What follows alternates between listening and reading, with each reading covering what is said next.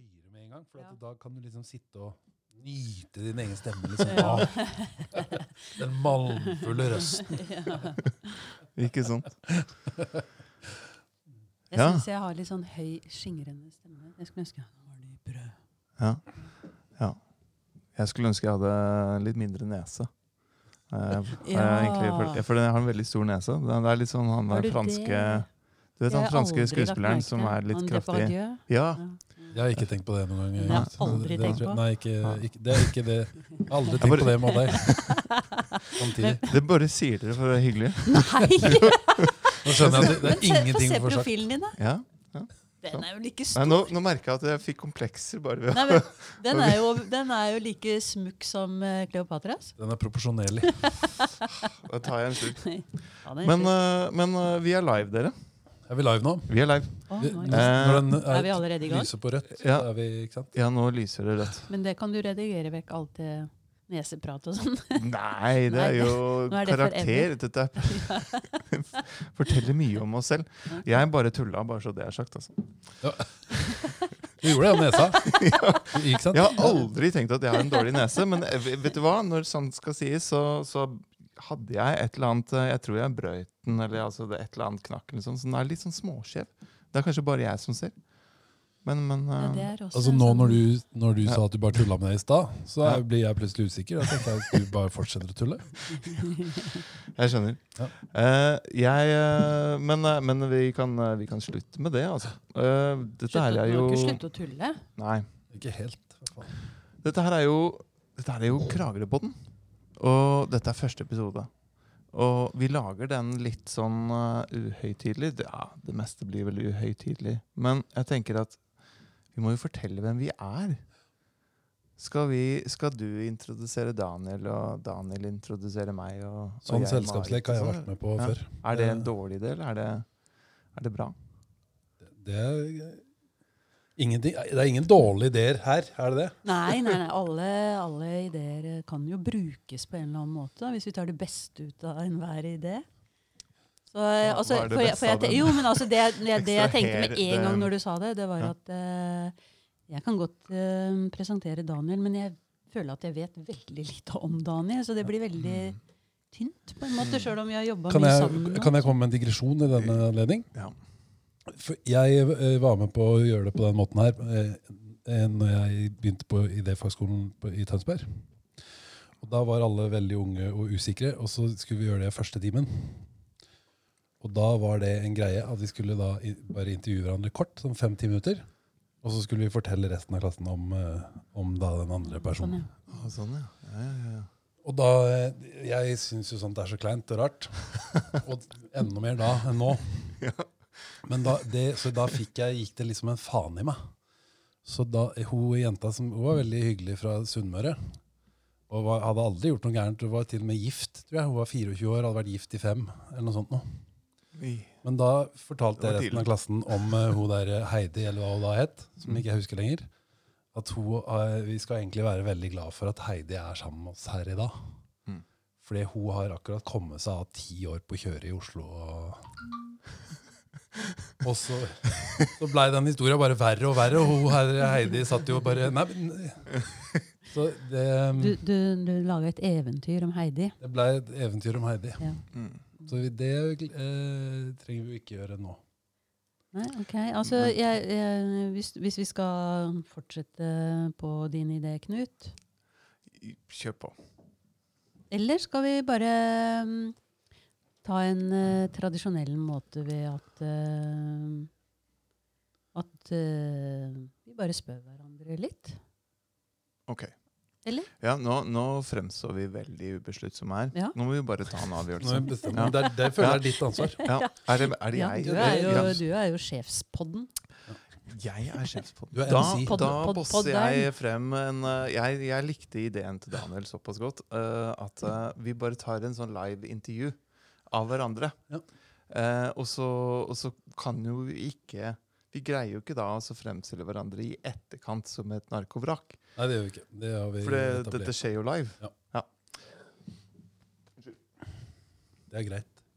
Hvor er du fra, Daniel? Og hva heter du til etternavn? Det har jeg alltid lurt på. Det har eh, KV også alltid lurt på. Nei. Uh, det, jeg heter jo Daniel Theodor Jangmar Paulsen. Eh, eh, og det kunne jeg også sagt noe men det trenger jeg jo ikke. Men eh, også pleier jeg å si at et kjært barn har mange navn. Mm. Yangmar? Yangmar, ja. Og det Du var jo en av de tinga. Du må jo fortelle litt om det. Ja, jeg kan det. Eh, jeg tror, altså det jeg har hørt, er at det var fordi at faren min het Persson i Sverige. Å, det er så fint Ja. navn. Og Persson, Persson. Personlig av Persson. Mm. Men det er jo noe av det vanligste navnet man kan ha i Sverige. Mhm. Og det ville han ikke. Det er det jeg har hørt. Derfor så fikk han en liste over navn han kunne velge seg, og da var det ene navnet Yangmar. Ja. Men så har jeg en mistanke om at det var en annen grunn til at han valgte å skifte navn. Mhm. Og det, eh, her, nå begynner vi rett på, Hvis vi skulle snakke om oss sjøl, Ja, ja, ja. så begynner vi med noe som aldri har vært på lufta før. Ja. -hmm. Og som ikke vi vet noe om. Mhm. Men jo, vi vet noe om det. Jeg vet, at faren jeg vet ikke så mye om faren min. Jeg vet at han var i fengsel. Mm. Og at han ikke var alltid like snill. Det er jo helt sikkert.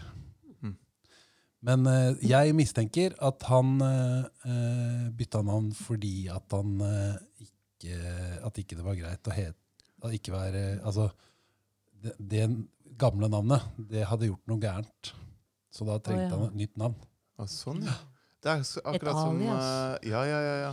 Husker dere da Var det UPC ble til Get, eller Get ble Jeg husker, jeg husker når Terra forsvant. Det husker jeg veldig godt. Det er samme taktikken.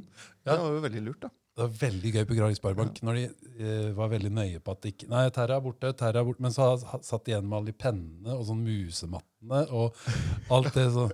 Og jeg pleide å ha det veldig gøy med å liksom forsnakke meg. Å ja, Terra Nei, nei, nei, nei, ikke Terra. Eika. Eika aktiv. eh, Nettopp, nettopp. Det blei også et belasta navn etter hvert. Navneendringstrikset. Ja. Det gjorde vi faktisk på ungdomsklubben eh, husker jeg oppe, på, oppe i Sandal også. Den het jo Snerten. Eh, og nå heter den Kalas. Og det gjorde susen. Plutselig begynte folk å komme. Lurt. Så det er, det er noe med det. Altså. Fiasko, for eksempel, som jeg vokste opp med. Mm. Fiasko. Det, var, det gikk bra? Ja, ikke, nød, ikke nødvendigvis. Mm. Men det kan jo gå bra. Knivstikker som er det, så jeg blei tatt bilde av på lørdag. Ja. Det syns jo folk er gøy. Ja. Adundas. Nedom og hjem. Ja, ja. Det er jo en, det er en gøy tematikk. Det, da, det, men det må liksom bli en greie.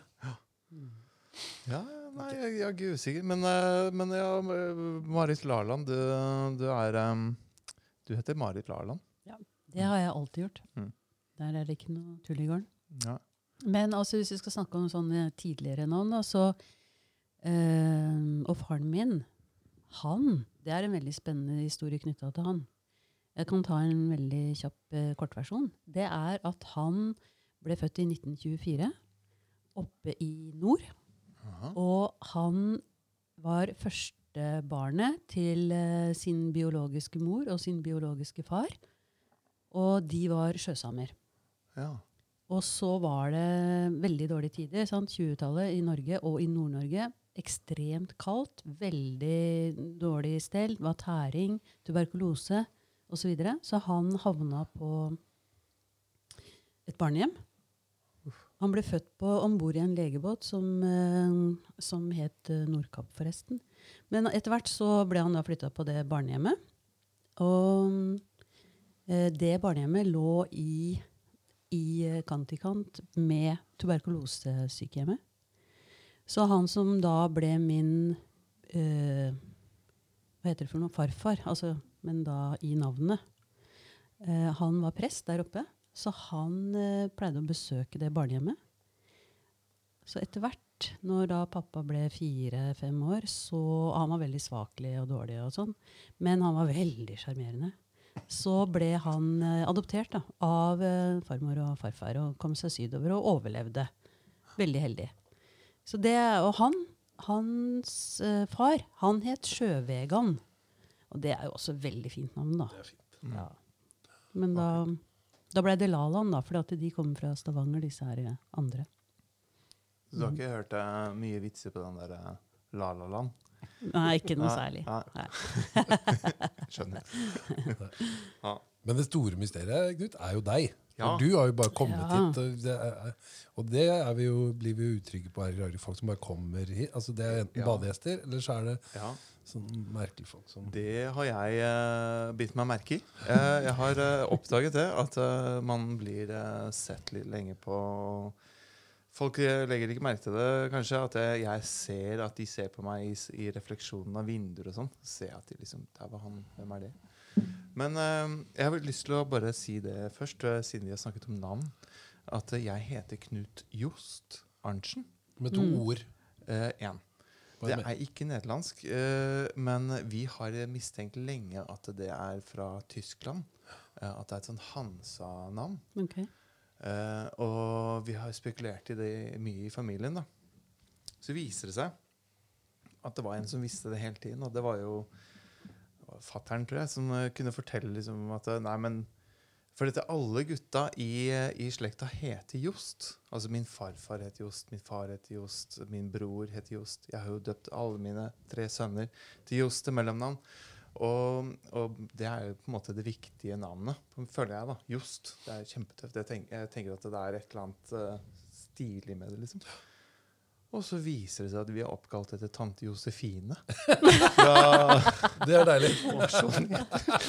Var det nedtur? Ja! Nei, det- det synes jeg var litt Det var jo ålreit. Ja, men- veldig kult, da. Ja, kan kalle det sjarmerende, men det er liksom sånn Jeg så for meg en sånn tøffing. Sånn der, en, eh, se for dere en sånn derre sjømann, eh, handelsmann slash kriger-type mann Mm. uh, som eh, kom til Norge på en sånn Hansa-skip uh, i- for lenge siden, til Bergen. En beinhard ansett. Ansatt. ja. Og så, så liksom igla han seg inn hos noen. Mm. Og så ble det navnet værende i hele slekta. Men det, gjorde det, ikke, det var ikke sånn i det hele tatt. Ja, det Det krever omstilling. Ja, det krever litt omstilling, Men så kan man begynne å forestille seg masse bra ting om tante Josefine. Mm.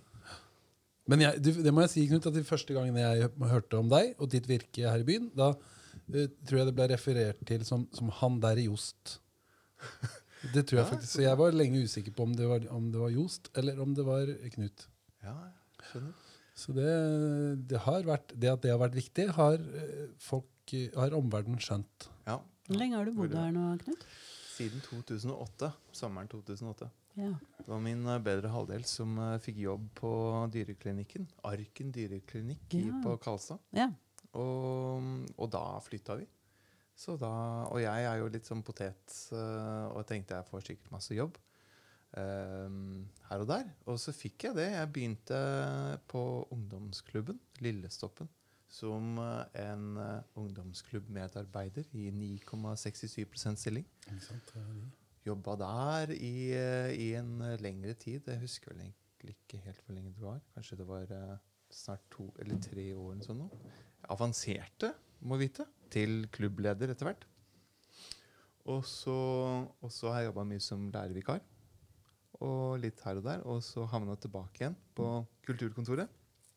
Og jobbet med barnefattigdom og ungdomsprosjekter generelt. da. TV-aksjonen tror jeg folk forbinder meg litt med. Sånn litt. Mm. Det var han der fyren som, eh, som gjorde at vi ikke gjorde, kom så høyt opp på lista. Han derre dumme Han Jost.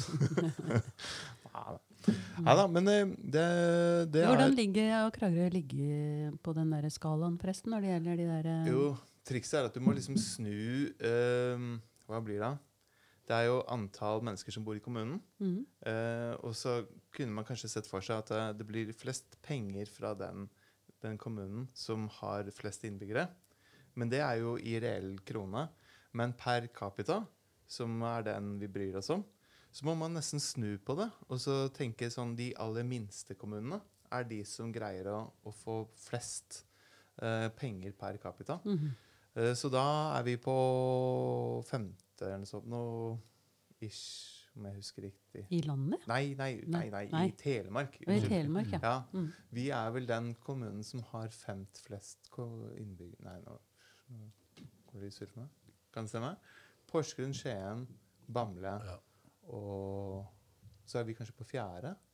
ja. Er ikke det veldig fint, da? Jo, jo, så, så det innebærer jo at eh, når man snur lista, så skal vi komme på fjerde sisteplass. Sånn type ting. Da er vi par. Eh, Da er det bra. Mm. Alt under er, eh, er dårlig, og alt over er veldig, veldig bra. Hvilket vi har greid noen ganger, da. Så vi er veldig, veldig, veldig bra. På, Ja. Veldig, veldig, veldig bra. Som, så kan det være, Men så er eh, akkurat TV-aksjonen er litt spesielt i Kragerø, for vi har så mange som bor på, på øyer. Mm. Eh, og eh, de utgjør jo en vesentlig del, og det, de telles gjerne opp dagen etterpå. På Mm. mandagen etterpå. Men det rapporteres inn til datasystemet litt sent. da. Så det oppdages ikke på en måte av journalistene at hvis de ser på det en uke etterpå, så vil de si at ah, det gikk jo mye bedre i Kragerø enn det vi først rapporterte. Det har har jo forresten vært sånn innsamling i dag. Mm. Jeg traff på ei som var var ute med Apropos, bøssa. ja. Men uh, jeg fikk ikke helt med meg hva det var til. Jeg fikk bare med en sånn vippslapp. Care. Care, ja. Ja. Det er uh, noe omsorgsgreier. Uh, Vinny, sønnen min, han uh, sa jo jeg, Vi var, hadde ikke fått med oss helt hva det var. Så jeg, jeg, han spurte meg, og jeg spurte han. Eh, og han svarte at 'jeg tror det går til kvinner', sa han. Og det syns jeg jo var gøy. Ja. Det syns jeg var veldig åpent. Og Care, jeg ja. synes jeg var veldig raust. Ja, ja. Det er jo bra. da. Ja, det, at det er bra, ja. Kvinner det er jo, viktig. Ja, ja, ja. Det, jeg tenkte, men jeg tenkte at det, da blir det kanskje litt lite penger. Mm. Hvis vi skal dele på alle. Sånn, ja. ja. Men, eh, men er det jo noe Det er jo ikke til alle. Er det noe sånn u-landsprosjekt, eller er det sånn hjemme... Jeg aner ikke hva det er. Jeg hadde besøk av de rett før jeg kom ned hit. Så, Og de prøvde å si hva det gikk til. Og de, de sleit med å forklare det, og jeg sleit med å forstå det. Ja. Så vi sleit eh, jevnt.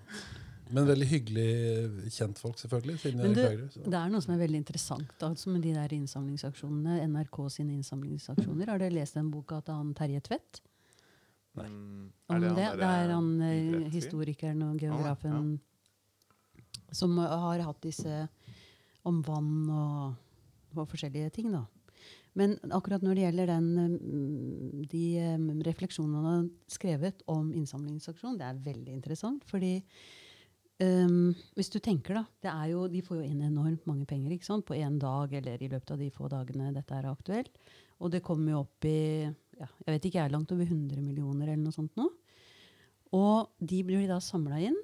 Og de pengene kommer inn på kontoer eh, i første omgang til eh, sånn som til NRK. Og så driver de og samler inn alt dette her. Og eh, alt skal jo dokumenteres, ikke sant? Altså hvor alt kommer fra og sånn. Så har de alle disse her tingene dypt nede i arkivene i, i eh, NRK på Marienlyst, sånn som det har vært fram til nå. Og så har de egentlig ikke hatt rede på pengene. Eh, og det dokumenterer han da i, i denne boka, og hvordan, hvordan man har brukt eh, dette med innsamlingsaksjon eh, som em, Hva var det han kalte det begrepet som ble så veldig interessant her for noen få år Nå tilbake? er jeg spent. Jeg er skikkelig spent, merker jeg. Ja, det er, det er Vent litt, da. Det kommer straks. Jeg må bare prate meg litt uh, varm. Men det, det med at alle disse pengene kommer inn og blir brukt i en, i en sånn politisk sammenheng for å øke vår nasjonalfølelse og fremstå for oss selv mest av alt og litt ute i verden som de gode bidragsyterne til fattigdomsprosjekter ute i verden. Eh, det er utrolig interessante refleksjoner han har eh, rundt det der. altså. Så, men jeg kommer tilbake til det der begrepet. Jeg hører at det For jeg venta nå på at det, at det du skulle si, at det, at det var mange av de pengene som måtte Eller at det eh, kanskje skulle komme fram på en eller annen måte. At da forsvant en del penger i systemet underveis der. Fordi man ikke hadde helt oversikt over det. Sånn, ja. Så NRK Ja. brukte det liksom på i store studio på en heidundrende firmafest eller liksom et eller annet sånt. Stoler i Skavlan studio og sånt. Noe sånt noe. Men altså den gang ei. Nei, det, det, jeg kan ikke akkurat si det nå. Uh, for jeg husker ikke så nøye. Men uh, nå skal jeg ta oss og slå opp her uh, det begrepet. Da. Men imens kan du snakke om noe annet, kanskje. Det ville jo vært litt spesielt hvis Terje Tvedt skriver en bok om det. At det kom fram at det liksom innsamlingspenger hadde blitt forsvinnet i Ja. firmafest i NRK. Så jeg skjønner jo det. At ikke det Ja. Man hører jo ellers om um, andre sider ved det. At det er på en måte det er, det er ganske lite penger som egentlig kommer disse menneskene som angivelig skal ha utbytte av, av uh, innsamlingen, Ja. uh, til gode. Det jo, men det vet jeg er ganske variabelt. Altså. Det er noen organisasjoner som har svært lite uh, i, på en måte, i, leverer veldig lite for pengene, mens andre leverer ganske mye. da. Men er ikke det Det trodde jeg var mest et sånt eksempel på sånn urban altså, Eller ikke urban legend, men altså sånn folk som ikke har lyst til å gi penger, kan bruke det som argument for ikke Ja. å gi. Jo. Jeg kunne sagt det, for eksempel, hvis jeg ett år ikke Har- Nei, det kommer ikke fram uansett, så jeg gir eller sånn. Ikke sant? Nei, da, men jeg tror, jeg tror det er riktig at det er veldig variabelt, og at noen har svinn på skogen der. Og på en måte ikke bør være så altfor stolte av Jo, det. nå, nå husker jeg, eller nå har jeg fått tak på det her. Altså godhetstyranniet. Oh, men det, gode Ikke sant? Hva heter Dere husker han derre norske Egeland? Ja. Ikke sant? Han som uh, jobba høyt i sånne internasjonale uh, Ja, Jan. Jan Egeland. Jan Egeland, ja. Eh, han bruker jo Terje Tvedt som personifiseringa av dette godhetstyranniet, på en måte. Da. Men hvem var det som mynta begrepet? Var det Terje Tvedt som mynta begrepet? Ja, ja, det var han som eh, det- oppfant det begrepet, og så har jo det blitt veldig misforstått. Men det han, eh, han mente med det, sånn, så langt som jeg forsto, er at eh, når, eh, når eh, altså Norge med den Gjennom NRK og den nasjonsbygginga som NRK har eh, vært, da, eh, og em, at vi utad gjerne, eller altså, til internt bruk, så oppfatter vi oss selv som veldig gode. Vi er veldig gode på fred, vi er veldig gode på fredsmegling, vi er veldig gode på å samle inn penger og gi til de fattige. Vi bruker eh, nesten 1 av bruttonasjonalproduktet på den slags type ting. Og vi har skapt et bilde av oss selv, at vi er veldig viktige aktører ute i den store verden når det gjelder de tinga, i FN og rundt omkring. Og, og vil veldig gjerne ha den posisjonen. Og så selvfølgelig så får man jo gjennomført en del der ute, helt sikkert. Men, men Terje Tvedts kritikk går jo på at uh, norske politikere uh, bruker dette her som en del av politikken uh, hjemme, da. Og mener at det ikke henger sammen med å egentlig få utført den reelle endringa som bør til der ute. Så det er veldig interessant. Også. Og så bruker han da denne innsamlingsaksjonen som et eksempel på, på det. Det er, eh, Når du nå forteller det, så eh, husker jeg at eh, Karsten Jensen, den danske forfatteren, for noen år siden på Jeg lurer på om det var på Skavlan, rett og slett. altså. Hadde med seg sånt i emmetegna eh, moralsk imperialistisk kart, der Norge var liksom det største landet i verden. 100 ganger større enn det nest største i landet. Så liksom, I forhold til sånn, den holdninga til liksom Palestina-spørsmålet, f.eks. Ja, men kan, altså, jeg skjønner ikke hvorfor de må krige. Så, og den er liksom vår at ja, men Kan de ikke bare holde fred, sånn som oss? Ja, ja. Kan de ikke bare snakke om det, eller liksom skjære seg en skive brunost, eller liksom et eller annet? da? Ja, ja. For vi, vi forstår verden så godt, og vi er så representative. Så, så det vi, hvis vi greier det, Ja. så burde jo alle andre greie det. Det. Men Det var jo, ja, altså jeg bare tenker, du, eh, du har jo ikke kommet til det, Knut. Du, har, du jobber jo i, i Røde Kors. Mm -hmm. Denne verdensomspennende eh, sånn Hva er det den aksjonen egentlig gjør? Altså Den gjør jo gode ting. Mm. Eh, både overfor de som er skada i krig, og altså på veldig mange fronter Mm. jobber man i, i Røde Kors. Og da har jeg bare lyst til å informere om at i går på Kragerø-instituttet så hadde vi besøk av presidenten i Norges Røde Kors. da. Mm. Det var litt stas. Supert. Hey. Robert Mood. Robert Mood. Ja. Er det det han har blitt nå, ja? Ja. Ja, Mhm. ja det kan man se. Mange av, eh, en mann av mange talenter, han fyren der. Man må kunne krige litt for å bli sjef i Røde Kors. Du må forstå, må forstå verden, vil jeg tro. Ja, ja. Ja, men Det er litt gøy da, at uh, presidenten der og, og hun som er øverst i Norsk Folkehjelp, kommer jo også fra Kragerø. Altså Begge de to er jo fra Kragerø. Det er gøy! Det er jo litt fett, da. Mm. Jo, men, Det ja, men det er jo egentlig Det jeg også ville fram til, er at det, det derre Alle vi tre som sitter her, vi er jo Har jo vært heldige på den måten at vi har vokst opp i Når vi snakker om det med hvor vi kommer fra, hva vi har drevet på med og sånn, at vi har vokst opp i den tida med et veldig sånn nasjonsbyggende periode hvor, hvor NRK var veldig samlende for oss, og vi gjorde de samme tingene hele tida. Gikk på skolen da og spiste middag da og så på eh, barne-TV. Vi har liksom Ja. Og, det, og så har det en utvikling skjedd hvor eh, det er blitt mer eh, fragmentert, og det er jo heldigvis veldig mye bra med det også. Men, eh, men jeg tror det er ganske sånn viktig del av vår kulturelle arv, da. Akkurat den tida der. Bare for å ha sagt det også. For vi fortsatt, holder fortsatt på med presentasjonsrunde der. Vi er Det er vel det, der. det, vi er det. Ja, vi er der fortsatt. Ja. Det er godt. Og da er vi inne på, på når vi vokste opp, egentlig. Ja. Det var, ja, Det, er da lurer jeg på, hvor, hvor, Når er du født, eh, Knut? Jeg er eh, en 1977-modell. Du er 77. Det er fin. Det er Jeg fin er jo veldig ung, da. Ja. Ja. Skam, det. Ja, skammen. Ja, det må jeg si. Det må jeg si. Og, du, og Daniel, når er du født igjen? 75. Ja, Helvete unge dere er. Ja, Ja. ja, ja, ja. Ja. Og du, da? Eh, 62. Du er jo fortsatt ung. Ja.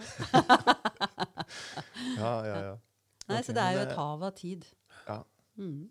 Ja, men det er jo litt viktig der, i forhold til liksom, som du sier, Marit, med eh, hva man har fått med seg av ting.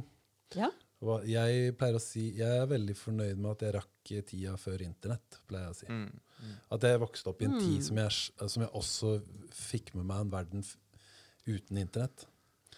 Eh, og så, ja. Og du er, jo, du er jo en av de f veldig få jeg kjenner som har en dum mobiltelefon. Er og veldig stolt over min dumme mobiltelefon. Men det er Hvorfor? veldig det er, Hvor mange kjenner du som har en dum mobiltelefon? Nei, det er ikke veldig mange, men det er noen som eh, klamrer seg til den. Det er en kunstner rett over gata her som også har en sånn liten sak som det Daniel har. Jeg kan fortelle at det er 5 av Norges eh, befolkning som da enten ikke har telefon eller har en dum telefon. Ja, Det kan jeg si. Det vet jeg nå. 500. For det var jo selvfølgelig litt vanskelig en stund der. For jeg fant det, det man finner lettest, når vi først er inne på temaet, Mm. eh, så finner man lettest abonnement som også har datatrafikk. Mm. Og det er jo dumt når man har en dum telefon. Fordi at da, får man jo ikke, da betaler man jo for ting man ikke har bruk for. Men til slutt så fant jeg Happy Bites. nå, følte jeg, nå følte jeg var rett inn i radioreklamens verden. Med bare sånn, Happy Bites! Jøss, Ja, ja. Nei, men det må jeg si. Det, jeg skrøt jo veldig. Jeg blir veldig fornøyd med, sånn, eh, med, med, med eh, firmaet Rå. Så det, men det er jo veldig fint at man kan finne seg et abonnement som ikke nå, Og nå reklamerer jeg til de få. Ja, ja, ja.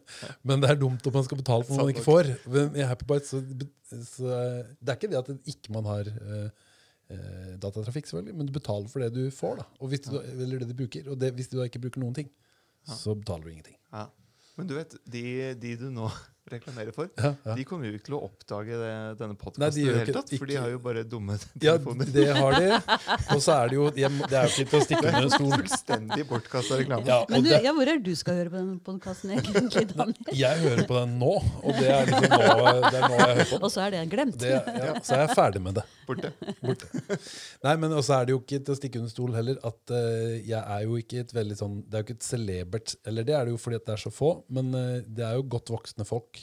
Majoriteten av de 5 da. Ja. De er sengeliggende. 95% av de 5 da, er nok sengeliggende og gamle. Og så er det bare sånn stabeiser som meg. Mm. Ja. Ja. Ja, men det er, jeg, det er jo fordi at jeg har et problem. Det er jo fordi at Hvis jeg hadde hatt en sånn smart telefon, så hadde ikke jeg hatt noe annet. Da kunne jeg bare lagt opp. på en måte. Eh, Det var en eh, historie som verserte i mediene for en, eh, noen år siden om en pappa som kjøpte en dum telefon etter å ha gått glipp av sin sønns uh, første mål på ja, fotballkampen. Han sto og så på, men han så ikke på, for han så ned i en skjerm. Det er noen år siden nå. Det høres ut som en? Skrekkhistorie. Ja, det var altså. grusomt, så han kom ut i VG og sa Oh dette her God. Er ille. forferdelig, forferdelig greier. Så var det ingen som filma det, så han Så- så- Nei, ikke sant, så det er ingen som tror på det heller. Nei, Målet, eller at han gikk glipp av det. For det, det, det, er det, er, det, er det er det man burde ha filma. At han gikk glipp av det. Ja, Ja. ja det, er nyheten.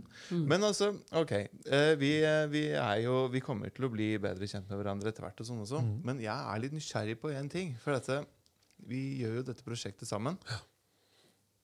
Og jeg tenker at kanskje det er Kanskje vi har forskjellige agendaer. Er, Forskjellige motivasjoner. Mhm. World, Det er domination, spennende. world Ja. domination er min, det kan jeg si med en gang. eh. Du vil ta over verden. Ja, nei, Da må det- du kjøpe deg en smarttelefon. Det vet jeg med en det er gang. at veldig- du kommer ikke til å klare. Ja, det skjønner jeg jo. Jeg skjønner Det er skikkelig hårete mål, da, at du skal ta over verden. Det er kult, Daniel. Men når man kommer fra kunststudier, sånn som jeg gjør, så, så er det det man begynner med. Det er å gjøre bedre enn, eh, gjøre bedre enn et verdenssted. Nei, gjøre verden et bedre sted. Gjøre Ja. verden til et bedre sted. Ja. Og så legger man jo det av seg etter hvert som man lærer seg til eh, kynismen. Ja. Men egentlig så er det jo det de aller fleste som har studert kunst og litteratur, har inntrykk av. Mm. Hvis jeg skal generalisere litt, så er det det man eh, ønsker seg. Og så later man som man ikke man vil det etter hvert. Men man vil det. Det er det man vil. Mm. Men, men, Mm. Det er en ærlig, er en ærlig sak. men hva, hva skal du gjøre med verden etter at du Har gjort den til et bedre sted. Nei, det er, det er ikke world domination. Det er å gjøre verden til et bedre sted. Ja. ok. Ja. Det er greit. Um, jeg har egentlig litt av den samme agendaen. Ja. Jeg, jeg tenker at uh, Kragerø har uh, så mye uh, gående for seg.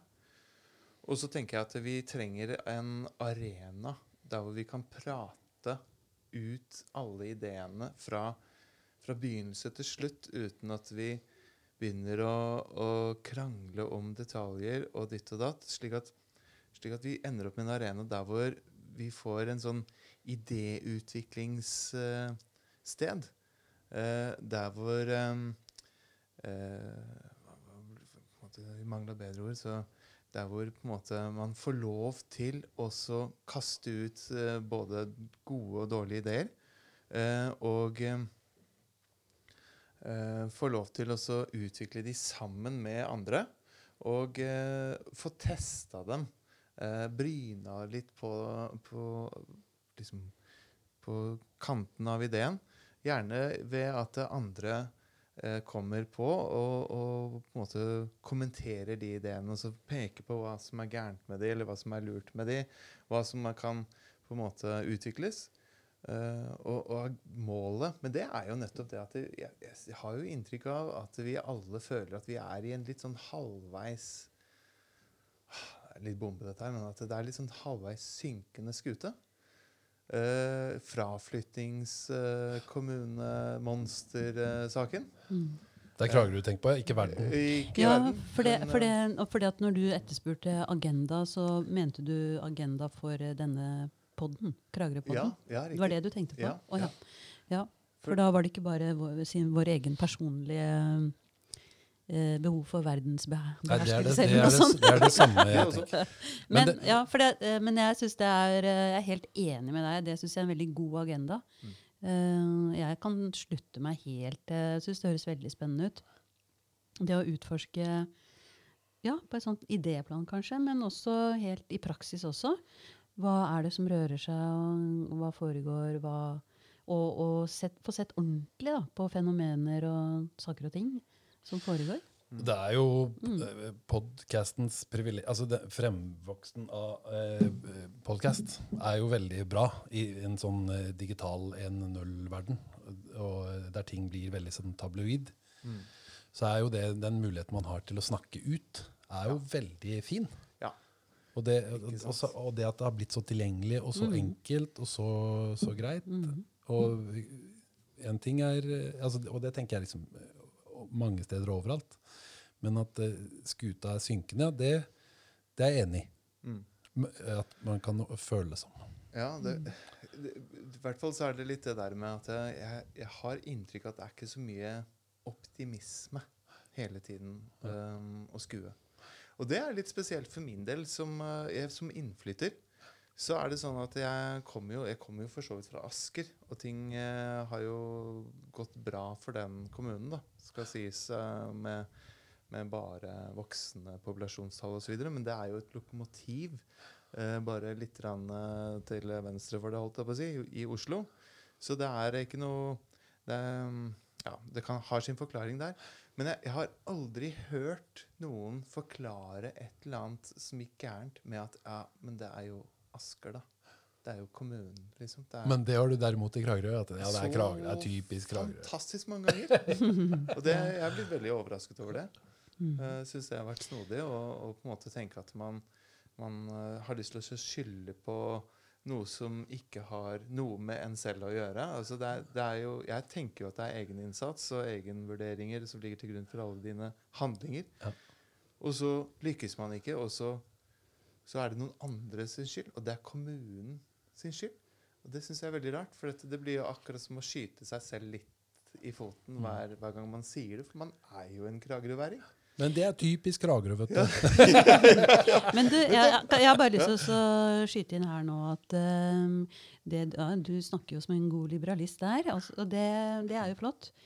Uh, I tillegg til at du her nå helt uh, fysisk har jo Det er du som har satt i gang denne, dette verkstedet vi nå sitter i. Eh, jeg må jo skynde meg å tillegge at det er da i Kragerø-instituttet. Det er et eh, eget flott rom som du har sant? innreda. Og tatt med én million eh, tekniske duppedingser for å få til dette her. Eh, og det er jo ditt initiativ. Og, og det er jo et svar liksom på på Det du selv etterlyser nå. Ja, ja, ja, en utenfra. Også at det er eh, eh, en positiv eh, måte å prøve å møte eh, den eh, synkende skuta, eller få opp noen seil, eller mm. et eller annet, da. Mm. Som gjør at det kan bli litt mer vind i, i eh, skroget. Jeg vet ikke. Ja. Altså, jeg, jeg må innrømme veldig fort Jeg burde sikkert ha innrømmet det veldig mye fortere at jeg har snakka mye om den synkende skuta. altså. Ja. Og vært veldig ivrig på å snakke om det. Og jeg, og jeg gjør jo fortsatt det.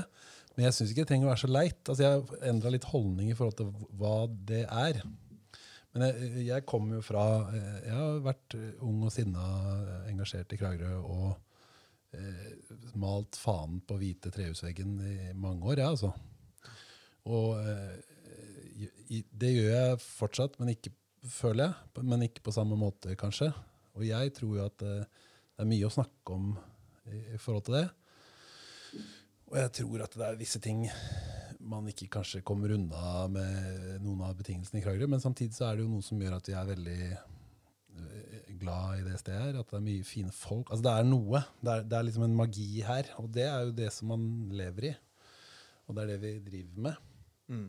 Men jeg eh, sa, ja, jeg sier jo det. At eh, jeg, man må, vi må kose oss med salmen eh, O nærmere deg, min Gud. eh, som, som de spilte på Titanic. eh, Altså, det må vi, vi må stemme i. Ja, ja, sånn ja. Ja, Det er jeg med på. Jeg med på. Men jeg, jeg bare tenker også at uh, vi har i, uh, i byen her, og i, eh, i den ganske kommunen, så har vi på en måte Vi har noen sånn skyttergravsposisjoner. Eh, og det er eh, resultatet av eh, opprivende konflikter, som f.eks. Skolestruktur. Mm. Eh, som for eksempel eh, Jeg hører jo støtt og stadig at folk driver og betegner folk fra Farsø som, som de fra Farsø og, og vi fra byen og den Farsøbønder, ja. Farsøbønder. Og så er det noen som Så er det øyfanter osv. Det, det er også en sånn eh, underliggende greie der som jeg tror man egentlig ikke eh, Jeg tror kanskje vi styres litt av det. Litt mer enn vi liker å tro. Det, man har en slags uh, uh, ja, fordom, eller jeg vet ikke om det er riktig ord. Men, men jeg tror vi har vanskelig for oss å høre argumentene som, til folk som prater. Jeg vet jo med meg selv, hvert fall hvis for Donald Trump eller en eller annen sier noe klokt, så kommer det til å gå meg hus forbi. Jeg kommer aldri til å få det med meg, for jeg kommer til å synes han er en så stor dust at det må jo være feil. Jeg kommer ikke til å høre på han, og jeg tror vi er litt der på noen temaer. For, for altså at vi har noen som vi ikke tåler trynet på, rett og slett, og så blir det vanskelig. Og så har de posisjoner. vet du. Men jeg, jeg må si i, i forhold til det, da har jeg lenge liksom følt veldig sånn vagt på en sånn ukultur her i byen. Og så har jeg eh, noen ganger følt at jeg nærmer meg liksom en klarere forståelse av hva det går ut på. Og noen ganger følt meg fjernere. Men jeg, jeg, jeg tenker at jeg liksom føyer noe til bildet og forståelsen av det eh, etter hvert som tida går. Men jeg, eh, og nå, jeg, skriver jo og maser litt her og der av og til. Og kommer til uttrykk, både på den ene og den andre måten. Men jeg, jeg, jeg, tror, jeg tror det handler mye om det at det finnes en måte å forholde seg til hverandre på. Nå sist, så, altså Noe som jeg har blitt mer og mer klar over etter hvert, er den der hovmodet, som er liksom den her gamle altså Det at Kragerø er en by. Altså det, og det tror, jeg, det tror jeg egentlig man kan snakke om eh, røtter så langt tilbake som man gidder. altså. Fordi det var viktig å definere Kragerø som et sted uh, uavhengig, altså når vi fikk våre bystedsprivilegier og sånne, sånne ting. Jeg, tror man kan snakke om det Altså Det ligger så dypt rota. da. Men at den, det hovmodet over vår bymessighet nå ikke står i forhold til den bymessigheten vi fortsatt opprettholder. Mm. Mm. Ikke sant? Så for eh, veldig veldig lenge så har det vært ting som har, preget, som har vært bymessige Kragerø. ikke sant? Sorenskriver og vært forskjellige ting, forskjellige funksjoner ikke sant? som forsvinner gradvis. Mm. Og vi har vært et levende helårstem i industri og forskjellige næringer. og næ, altså, Mange forskjellige ting som gjør oss til by. Og de, de tinga er i ferd med å forsvinne. ikke sant? Mm. Siste, altså Detaljhandelen nå, det er ikke bare noe man finner på. Det, det kan virke pessimistisk og negativt å peke på det, men jeg, det har jeg også sagt før. Jeg tror det er viktig å begynne å snakke om det. Hva, hva, hvordan ser vinterstengte Kragerø ut? Hva, hvilken sosial arena har vi da? Hva skjer når våre barn som ikke har vokst opp med det, den sosiale arenaen på samme måte, eh, skal leve på et sted som Kragerø? ikke sant? Altså alle de tingene, Det er store, store mm. viktige diskusjoner. Men jeg tror at altså den stoltheten over hovmodet på Kragerø bys vegne, den tror jeg fortsatt gjør seg gjeldende. Og den tror jeg har resultert i liksom sånn øyfanter og farse. Altså det er viktig at skillet mm med liksom, bysentrumsfolka, og vi som på en måte, vi som har det her, i den lille konteksten, den lille sammenhengen. Og så er det noe helt annet oppe i Drangedal, mm. f.eks. Og jeg jobba jo noen år i Drangedal. Fantastisk det. Kosa meg veldig der. Eh, og der, eh, jeg ikke si så mye om det, men, eh, men og der har de liksom, Elgjakta hadde de for 100 år siden. Det har de fortsatt. Det er my, altså mye likere betingelser, tror jeg, selv om mange ting har skjedd i, i Internett. Det har jo kommet til Drangedal òg. Smarttelefoner òg. men jeg tror det er mye likere. Og så tror jeg også at eh, Kragerø og Drangedal er mye likere nå, mm. på mange måter. Fordi at man er så lite by. Altså vi, vi, vi nærmer oss på den måten. Selv om det selvfølgelig er ting ved Kragerø som, eh, som skiller seg helt fra Drangedal og måten å leve liv på der. Men, men, akkurat når det gjelder bymessighet, så, så, selv om det er et stykke igjen, så tror jeg det begynner å jevne seg mye mer ut. Og at man har mye, mye, et mye større det er ikke store, Kragerø er ikke storebror. Og det tror jeg også folk føler for rundt forbi. At det er ikke, liksom, det er ikke storebror. Har, har det, uh, det har noe med den uh, Sånn som jeg oppfatter det, den uh, diskursen mellom hvor er tyngdepunktet i, i Kragerø nå. For det er i ferd med å flytte seg, tror jeg. Fra, fra sentrum og oppover i Sannidal. både til dette knutepunktet for trafikken med nye E18 og sånt noe. Og, og når også tog kommer, og disse store bedriftene og de store kjøpesentrene og ikke sant? Ting, og, de, og, det er store tomteområder som står ledig. Og folk er så mobile, så det å komme seg kjapt ut til uh, kysten og ta båten ut i skjærgården, eller komme seg kjapt inn til Oslo eller, eller hvor som helst, da, uh, det er så uh, lettvint når du bor der oppe. Og samtidig så har du fremdeles litt space. Og, og, det, og du kommer inn i en sånn uh, inn i en sånn annen type modernitet enn som er nede i pittoreske Kragerø. Hvor man kan føle seg uh, at man egentlig går inn i en litt sånn uh, museumsverden, da. Ja, akkurat, akkurat, det, ikke sant? Ja, det, det, er veldig viktig. Ja, jeg tror at det, det er det er en veldig spennende diskurs, rett og slett. Eh, og, og, så det, går det litt på smak, da. Noen liker det sånn, og noen liker det sånn. Og, men, men sånn, uten at jeg har veldig god peiling på det, så kan det se ut som sant, de store strukturelle endringene og økonomien og sånn, at det forflytter seg litt oppover i, i kommunen.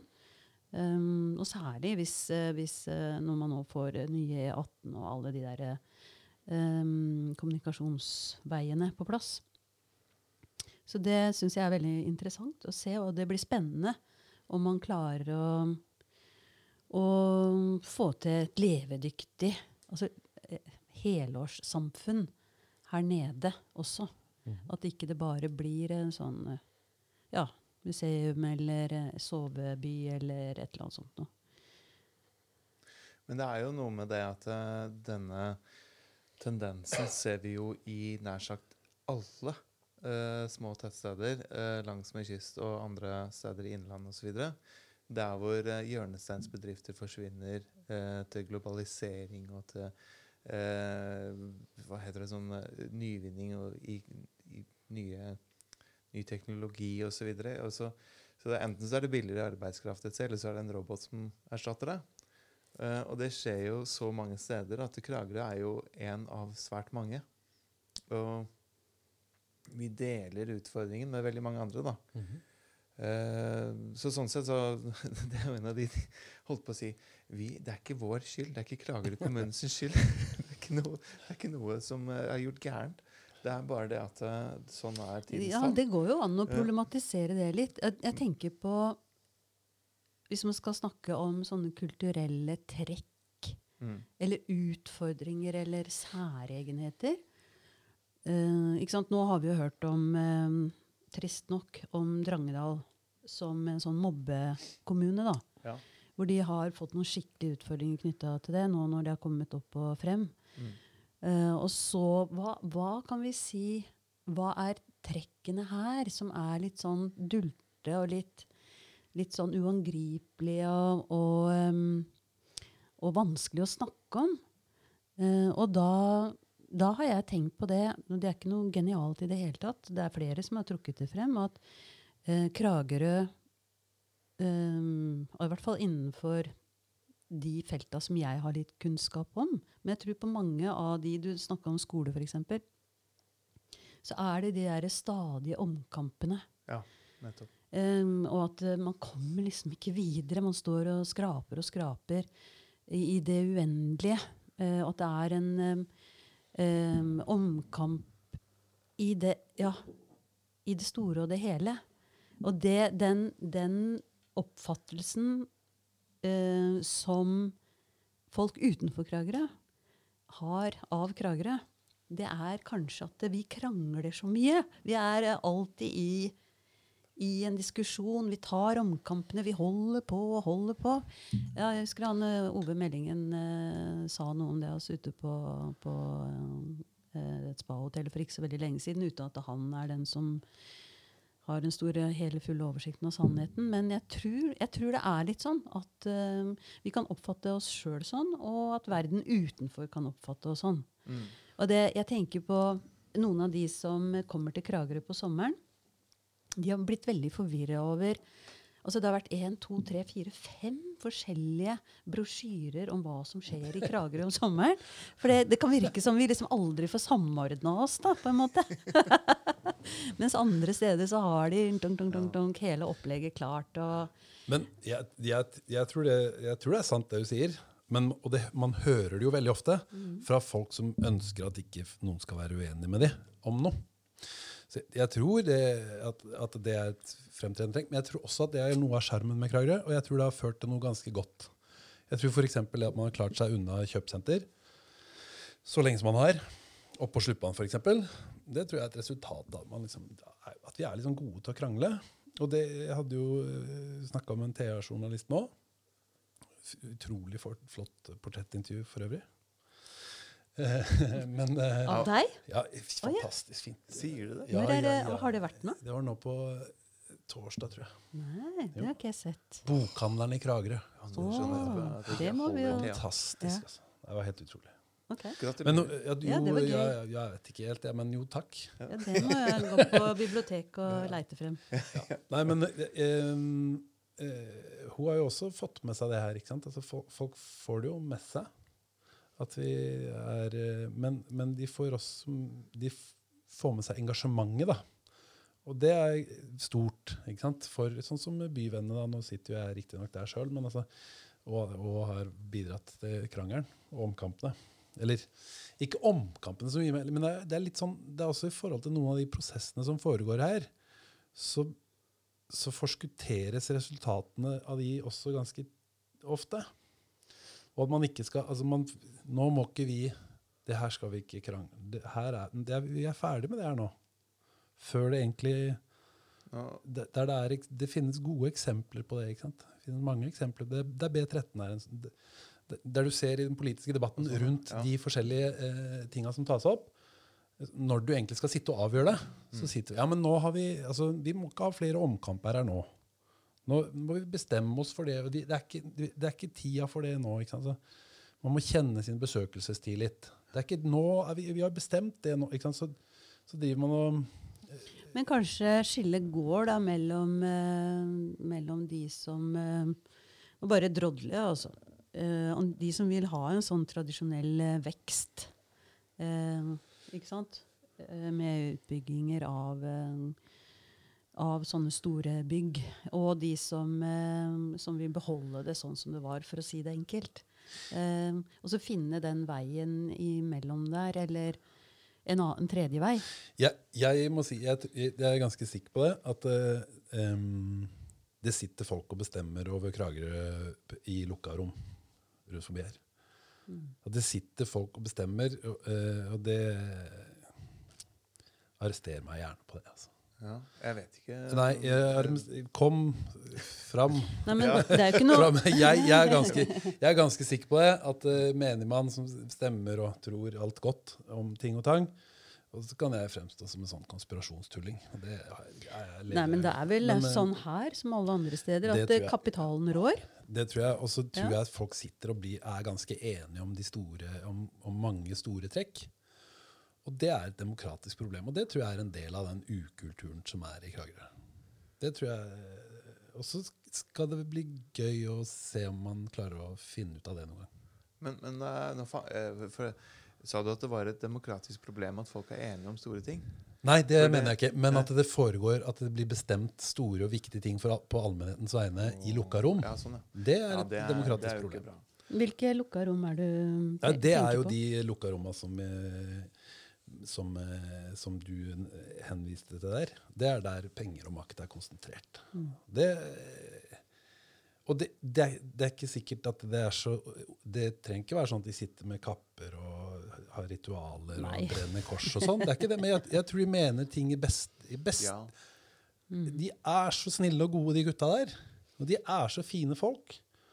Eh, De mener så godt, og de har så gode ambisjoner på Kragerøs vegne. Men jeg tror ikke på de ambisjonene, og jeg tror ikke på de metodene for å, for å styre en by. Og, jeg tror, og så tror jeg også at øh, Men det er litt, litt digresjon og litt videre. Men Jeg føler jeg vi blir godt kjent med deg. ja, ja deilig. deilig. Nå Det er bra, jeg det. det. Nei, men jeg, jeg tror ikke sant, altså, For det er ofte sånn at Ja, men altså, eh, sånn som når jeg holdt på, vi holdt på med eh, å mase og krangle masse Kragerø avvikling. Ikke sant? Når Kragerø utvikling holdt på som verst, Mm. Så hadde vi det gøy med Kragerø avvikling. Ikke sant? Bare stærte logoen og holdt på med det. Og da var det liksom, altså da var argumentet liksom Ja, men er du imot utvikling, du da, eller? Og det, altså det er liksom på det nivået som du altså det er enten, så, enten så er du for da B13 og hytter, eller så er du på en måte mot All utvikling. altså da er, du da er du mot all utvikling. Mm. Og at, at da skal Kragerø liksom bare være museum. Det er veldig mange retninger som det kunne altså, Det er mange sånne interessante eksempler på ting. Altså, Farsund, Lyngdal. Eh, to samfunn. Altså, det er litt sånn Sannidal-Kragerø. Eh, eh, Farsund, gammel eh, sørlandsby. Eh, likheter, ulikheter. Lyngdal lab, eh, som ligger på et jorde, men har uendelige ekspansjonsmuligheter i alle retninger. Lyngdal er et sted der ting skjer nå. ikke sant? Ekspanderer her og der på, på jorder rundt forbi. Og det er liksom mye mer, De er liksom tatt over litt for Farsund. Farsund der, eh, Til og med Narvesen har lagt ned Far- eh, Farsund. liksom. Okay. Og det tror jeg, altså, det å anpasse seg til, nye, til en ny tid handler jo også om fleksibilitet. Ikke sant? Mm. Altså, det vi gjør her, det museale ved Kragerø, det opprettholder vi fordi altså Det er en, en, en forestilling om sjarm som et eh, altså det er, vi, vi har, Jeg tror det er mye det er, vi, vi kunne ha snakka mye om sant? Eh, for Kragerøs vedkommende. Og hvis sjarmen ligger altså, Ligger sjarmen i det at de skal være sånn som vi har vært alltid? Og at, vi skal, at alle husa skal være like som de sitter i bygningsrådet. Altså, det er så vanskelig å sitte i hovedutvalg for byggesamfunn. ikke sant? For at, vi sitter i Odden, for eksempel. Så blir det solgt et gammelt hus. Langs, blir solgt en ny det en som skal brukes som hytte. Helt åpenbart. ikke sant? Og så har jo han, han har jo 25 millioner å bruke på det huset og har lyst på svømmebasseng, han. Altså, Riktignok så er det bygd av en fisker en eller annen gang, eller det er bygd av en kaptein. eller ikke sant? Det kommer fra, et, det kommer fra en historisk kontekst. Og så skal det overføres til en ny kontekst der det, det er ikke får, Det er ikke mulig å løse. Skrubbodden, eh, de forskjellige boligprosjektene det det er ikke god Det er ikke mulig. Det er, det er egentlig helt umulig. Å opprettholde Ja, hva, hva er det, det du driver med? Altså, det er noe nytt. ikke sant? Du får ikke, altså, det, du, også, det, er noe nytt, og så samtidig skal det liksom se ut som noe gammelt. Og så har vi liksom den mafia Eller ikke, det er ikke en mafia, så er det de gamle som mener at liksom, sånn som Kirkebukta, så lenge det bare så ut som Mandølingen, så var det greit. Altså, det, verste, altså, det, det er litt sånn som jeg føler at jeg sitter og snakker om i, i, i byvennene og rundt forbi ofte. At det gjør, altså de gjør B13, f.eks. Hvis det bare hadde vært et sørlandshus ja. med saltak og liksom smårute vinduer, så hadde det vært greit. Men det er jo ikke det som er greia. Nei, for det er, det, det er jeg, prosessen. Ja. Uh, det er metodene, ikke sant? og det er innholdet, og det er bruken. Ja, han og det holder opp hånda her. Bare sånn. Ja, altså, ja. dette, her er jo, uh, dette her er jo et uh, kjempeinteressant tema som alle vi som sitter rundt bordet her, er veldig engasjert i. Det blir lokalt, ja. ja men, men For jeg tenker det at utgangspunktet veldig ofte kan være at hva, hva er innholdet? Hva er det vi ønsker oss? For Uh, ja, ta sånn, som, eh, ta sånn, som, vi som sitter rundt her nå. Grunnen til, eller ønsket om å være i Kragerø, er jo, i hvert fall for min del, det er den uh, lille byen, og at den har noen sånne altså Selvfølgelig at den ligger ved, ved, havet og kort vei ut til skjærgården, og, og det er avstand sånn og sånn til andre ting. Men at den har den derre bykvaliteten, det urbane på en måte miniurbane med kafeer og med, med gallerier og ikke, sånne portrom og ikke sant? Alt det derre Eh, Og at man eh, kan hilse på folk. Eh, kan si hei til masse folk hele tida når du går en runde rundt. Fordi du kjenner folk, vet hvem de er, i hvert fall. Og det også er en veldig hyggelig ting. Um, og jeg, altså, jeg, har jo vært oppe i Porsgrunn, den nærmeste uh, småbyen her. Og der er det jo fullstendig dødt. Og det er så deilig sagt å kalle Storebror oppe i fjorden for lille, den, den, den, nærmeste småbyen. ja, altså, du har jo Brevik og noen andre, men det er jo noen andre, da. Uh, uh, det er jo helt dødt der. Det, det jo, du får jo ikke den følelsen Du får jo mer den følelsen her. Altså Hvis du går på det det kjøpesenteret de har der oppe, så, så, får du en kjøpesenterkvalitet. Men hvem er det som vil ha det? Ja? Det, er det jo helt på vei ut. Det. det er jo bare klamt og ekkelt. Det er mye hyggeligere å gå her. Det skjønner jo alle. Ja, ja. ja. Så de, jeg skjønner ikke hvorfor ikke de er her. jo, men det er noe I hvert fall for oss som velger å være her, ja. så tror jeg at det er mye av greia. Det er den vennlige ja, veldig sånn menneskevennlige måten å leve på.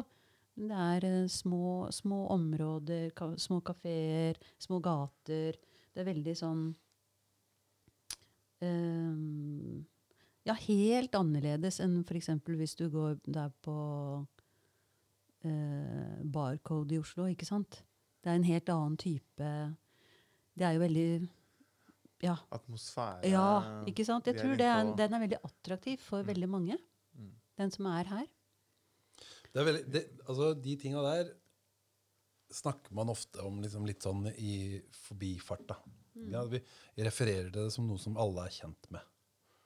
Og det tenker jeg i vårt format. Altså det, det der hva er den Mm. eh, atmosfæren? Ikke sant? Hva, hva består den virkelig av her i Kragerø? Det tror jeg man kunne ha uendelig godt av å, å, å snakke mye mer utstrakt om. Mm, Jeg syns du hadde et veldig godt nøkkelord, og det er fleksibilitet. Mm. For eksempel.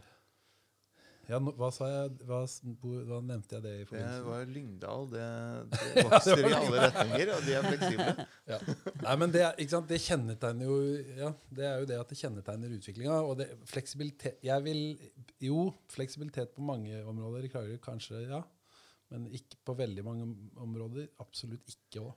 Men, men eh, nå Jeg som eh, Jeg er enig i at vi må bevare sentrum. Eh, jeg er, men jeg bor på Kalstad. og jeg syns det burde være butikker der òg. og jeg opplever det som om at det er nesten som å banne i kirka og tørre å si noe sånt. At man, at man det, det, altså Kragerø sentrum er viktig, men, men Kalstad er også Mm, viktig. Veldig viktig. Eh, og jeg syns Helle er viktig, og jeg syns Sandedal er viktig. Jeg, jeg, synes, jeg, jeg er enig i at det ikke skal være noen flere kjøpesentre. Jeg holdt på å si, det hvis man greier å unngå det, så, så er jo det positivt. Men jeg syns det bør være mulig å forlange at uh, det er eh, de, de som, som driver butikker og kafeer og utesteder og eh, bedrifter osv. og eier hus osv. nede i sentrum, bør greie å være fleksible, som du sier, og omstille seg til de skiftende behovene uten at det skal gå på bekostning av utvikling andre steder. Og så skjønner jeg at det blir en Det er, eh, det er, jo, det er jo kanskje vanskelig, eh, men jeg syns det er litt sånn Er det lov å si det, eller? Uten Det er at egentlig ikke det, eh, Knut. Altså, at så man steines? bremse. Ja. Men er det Kalstad KS-senter du nå skulle ønske deg flere Jeg, butikker? er- jeg er veldig glad i å dra på Kiwi der. Jeg har en bærepose som det står Kalstad KS-senter på. Og KS betyr jo kassasenteret, så det er jo var en stående Ja.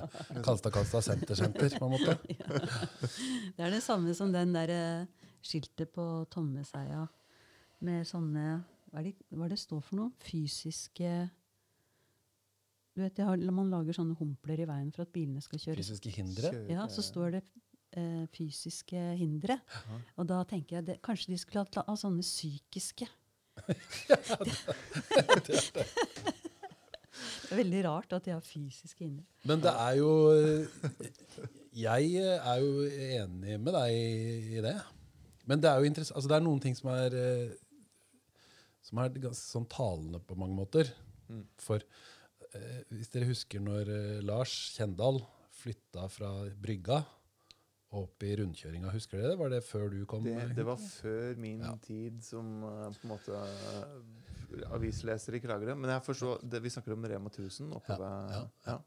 Og så nå, Jeg er jo, eh, jeg ljuger mye i podkast-sammenheng, det, det har jeg skjønt. Og det bruker jeg for å bli en bedre person. Eh, prøver. Og jeg gjentar, jeg gjentar meg, og jeg ljuger. Men eh, sånn som jeg forst det her er synsing og føleri, og det er sånn som jeg forstår situasjonen. Altså det, bryg, de butikkene på Brygga, Kiwi-butikken nå, er en av de Kiwi-but- Kiwi-butikken på Brygga i Kragerø er en av de Kiwi-butikkene i Norge som går best på sommeren. Ikke sant? Så selvfølgelig, på sommeren. Ja. Eh, så, og det samme var jo tilfellet da med Rema 1000, skulle jeg tro. Ikke sant? Jeg tror det, er- det er tilfellet for den butikken Jeg der tror oppe. den, jo, jo, men det er det som er greia. Ikke sant? Det er det som er greia. Når, jeg tror veldig mange i Kragerø, når eh, Rema 1000 flytta opp til veikrysset der oppe, så tror jeg veldig mange liksom, hva, er det han driver, hva er det han driver med nå? Hva er det han gjør for noe nå? Altså Fra liksom den beste spotten i Kragerø, altså, og i landet som selger best. Og så flytter opp der. Men det er jo genialt. Det har jo vist seg å være helt genialt. Mm. For nå selger han hele året. Og han har tatt konsekvensen av det Kragerø er. Kragerø er først og fremst en bilby. Ikke sant? Det er folk som bor, kan bo hvor som helst. Men du, til Lars så kan du kjøre, ikke sant? Så kan du sette bilen alltid plass på utsida. Mm. Så kan du løpe rett inn. Og det er rett i, enten du kjører den ene veien eller den andre veien. Hvor du enn kjører, så kommer du til krysset til Lars. Alle som kjører i Kragerø, og alle kjører i Kragerø, kommer til Lars. Rema 1000. Kragerø er eh, sant, etter 60-tallet og bilen Etter at vi begynte å rive hus i byen for å få plass til, få plass til bilen, så er Kragerø en bilby. Vi er som et sånt sted i Midtvesten. Det er bilen som, som ruler. Og da legges det til rette for det. Enten det er Rema 1000 i krøsset der oppe, eller det er eh, Alti på Sandedal, nærmere E18. Og det, sånn vil det være til man og Det spesielle med Kragerø altså Man lever på gamle man, man lever av, av noe gammelt. Man har ikke klart den man klarer ikke den greia, men man har et stort ansvar nedi her. ikke sant? For man skal både være, skal både være noe nå og representere noe gammelt. ikke sant? Og det gjør man. Og så er det da, og så blir det vanskeligere og vanskeligere for folk å forstå hvorfor man skal liksom være, hvorfor det skal være så sær. Hvorfor man skal ta så mye hensyn til den gamle røya nede i sentrum. Men Det er der jeg tenker sånn, ah, spesielt i, i sentrum at man eh, eh, kan ha en sånn fleksibel ånd over stedet. da. På alle de uteromma. Torvet, eh, Jens Lauversøens plass, eh, gågatene, eh, fasadene. At det er At man kan ha den fleksibiliteten i forhold til bruken. Mm Eh, enten det er festivaler, eller det er Bondens marked, eller det er eh, hva det er for noe som skal foregå. At det er litt mer sånn inne-ute eh, hele året. Eh, og, den, og at det er greit. ikke sant? At, det, at man innstiller seg på det. At uh, nå skifter vi. Nå er det sånn og sånn, og så blir det sånn og sånn. Og det, det å ha den muligheten for, eh, for eh, ja, selvsagt alle de som driver i sentrum, men også for kommunale virksomheter og for ideelle virksomheter. At det er bare å bruke, ikke sant? Men at det er lagt opp til, da, både med, med in, in, sånn infrastruktur, eh, belysning, muligheter for å få til uh, utekino på Torvet i Kragerø, om det er det man vil ha. Eksempel. Det å ha den, den forståelsen, det å ha den der livligheten i Kragerø, det tror jeg er veldig ålreit. Jeg må si det at Selv om imaget mitt går mye ut på å eh, tro på det synkende skipet, og kose meg med det, så har jeg klokkrein tro på de, de mulighetene som ligger i sjarmen til Kragerø. Altså. Fordi altså, det som er greia, og det er, det er veldig viktig altså, Kjøpesentermodellen er, var veldig lur når den kom på, USA på 60-tallet eller 50-tallet. når det var. For de tok det beste fra, små, de tok det beste fra Kragerø. ikke sant? Trygt, nært, varmt, tørt, bilfritt. Parkering, gratis parkering rett på utsida. Food courts, nære til toaletter. Og gjerne noen gode tilbud i tillegg. Det er et genialt konsept. Men det har blitt litt sjarmløst med åra. Og der klarer du aldri å konkurrere med steder som Kragerø. Men alle de andre faktorene har, har vi, hvis vi bare vet å bruke de ordentlig. Men det vi ikke Vi er fortsatt, og det er en, en del av Kragerøs etterslep. ikke sant? Og jeg har snakka meg varm og overvarm om det her. Og, jeg, og nå som da butikkdrivende i byen, så driver jeg og krangler med enkeltpersoner og sjåfører og politifolk og brannfolk og jeg vet ikke om trafikk i byen. ikke sant? Og folk «Ja, men kom, Det er ikke så det er ikke det. Og, og, du, og det er en del av den gamle ikke sant? Altså, der og det er helt ærlig. Jeg er inne og krangler med Roger Brubakken om det jevnlig, og vi koser oss med det, og jeg spiser pølsene hans. Det er ve- eh, veldig hyggelig. Men de gamle handelsdrivende i Kragerø er helt overbevist om at uten, altså uten Hvis man sier noe om trafikk altså Vi demonstrerte jo mot, eh, mot Ja, og bilby. Ja, for du vil ikke ha biler inn i byen. Men du er i Kragerøbys venner, som jobber hardt for å bevare parkeringsplasser og bil. Er, er det Ja, nei, men det, det, er det, det er apropos ting som har blitt som en sånn rød klut og sånn eh, tabloid. ikke sant? Altså Hvis man sier 'jeg vil ha bilfri by', så tenker folk med en gang at da, har jeg lyst til å stoppe alle biler på kommunegrensa, og ferdig. Men det er klart at i, i, det medfører jo at man må, lage, man må lage et smart opplegg av det her. ikke sant? Folk må kunne kjøre til Kragerø, så må du kunne sette fra seg bilen et eller annet lurt sted. Skal jeg fortelle om, uh, om uh, min, min veldig gode idé? Ja, det synes jeg, og Egentlig så er det jo ditt perspektiv. Som, Ja, ikke sant? Knut, har du en god idé? Ja, jeg har, jeg har prøvd å pitche denne her til eh, Jon og til Charlotte og til Per Erik. Og, eh, jeg hørte jo meg selv spørre spørsmål til Per Erik Skjulse da det var sånn politikerforedrag. Eh, hvorpå han svarte liksom det jeg ville høre. Så Hvor, ble hvor er det det foredraget var Det- hen, da? Eh, det, det var på Kragerø-instituttet. Ja. Eh, ved kirketomt. Ah, ja. Men eh, det, er altså da Kragerø eh, ladepark. Som jeg mener bør etableres i forbindelse med at E18 eh, blir ferdigstilt. Det bør være på Gjermyra eller ved Sannidal Alti? Alti. Ja. Skulle til å si Amfi. Det ville vært feil. Ja, det blir jo helt Ja, øh, men, Og det stedet der sånn det, altså jeg, I mitt hode så er det på Gjermyra, men det er jo direkte konkurranse med et annet sted, så det blir kanskje litt dumt. Men jeg ser i hvert fall for meg et sted der hvor det er ikke bensin å oppdrive. Det er ikke noe diesel. Det er, det er ladepumper. Og de eh, mates av Kragerø Energi. Slik at den, eh, den strømmen som selges der sånn, den kommer Kragerø kommune til gode. For Kragerø Energi eies jo i stor grad av, eh, av eh, Kragerø kommune. Så det blir på en måte vårt forløpig. eh, foreløpig. Ja. Og det er jo på en måte, da, da blir liksom arvesølvet vårt uh, som vi kommersialiserer og uh, gjør til grønn, grønn bedrift. Uh, og vi, vi kan da kombinere dette her med alle de andre aktørene. selvfølgelig, sånn at Tesla har sine greier og ditt og datt. Men energien må kjøpes av Kragerø Energi. Fra alle de ulike. ehm, Kanskje til og med fra solkraftverk på Valbergheia? ja, ja for eksempel. Ikke sant? Ja, ja, ja. Og så eh, kombinerer vi dette her også med en sånn elektrisk shuttlebuss som eh, busser folka ned Å, det er så fra vakkert. Det er så og det, vakkert. ikke sant? Så det er en svær parkeringsplass. Det er den parkeringsplassen du eh, etterlyser. Som da uh, shuttles ned til eh, sentrum. Eh, og eh, med masse altså liksom På den parkeringsplassen så er det informasjon om hva slags butikker og restauranter og, som finnes. Og man kan kjøpe sånne pakker. eh, ikke sant? Så på El. Paso får du Ja. ditt og datt. Og i bokbutikken til Daniel så får man Morgenbladet til eh, 24 kroner. Oi, Det gjør du var- Det hørtes veldig fint ut. og så videre. Ja. Og, da, og da, da havner folka ned der sånn. ikke sant? Og så kan vi ha sånne folk som har eh, en funksjon som er litt sånn à la den amerikanske hotellbransjen. ikke sant? Sånn valet. Så etter at eh, nei, bilen din er eh, ladet opp, så flyttes bilen din til en annen plass der hvor det ikke er en ladepumpe, men, eh, men ledig plass. Så kan du dra ned dit og, til, til byen og spise og gjøre deg mett og gjøre deg ferdig shoppa i butikkene, og så kommer du tilbake to-tre timer etterpå, selv om bilen din var ferdig lada på en halvtime.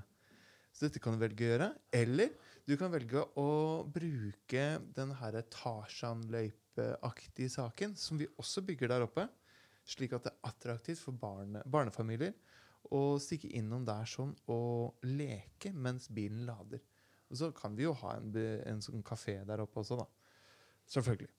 Så det er liksom Kragerø ladepark uh, i, et, uh, i et nøtteskall, som jeg håper noen tar tak i. Det er en idé som vi kan utvikle her på Kragerøpodden. Den er herved eh, sådd. Ja.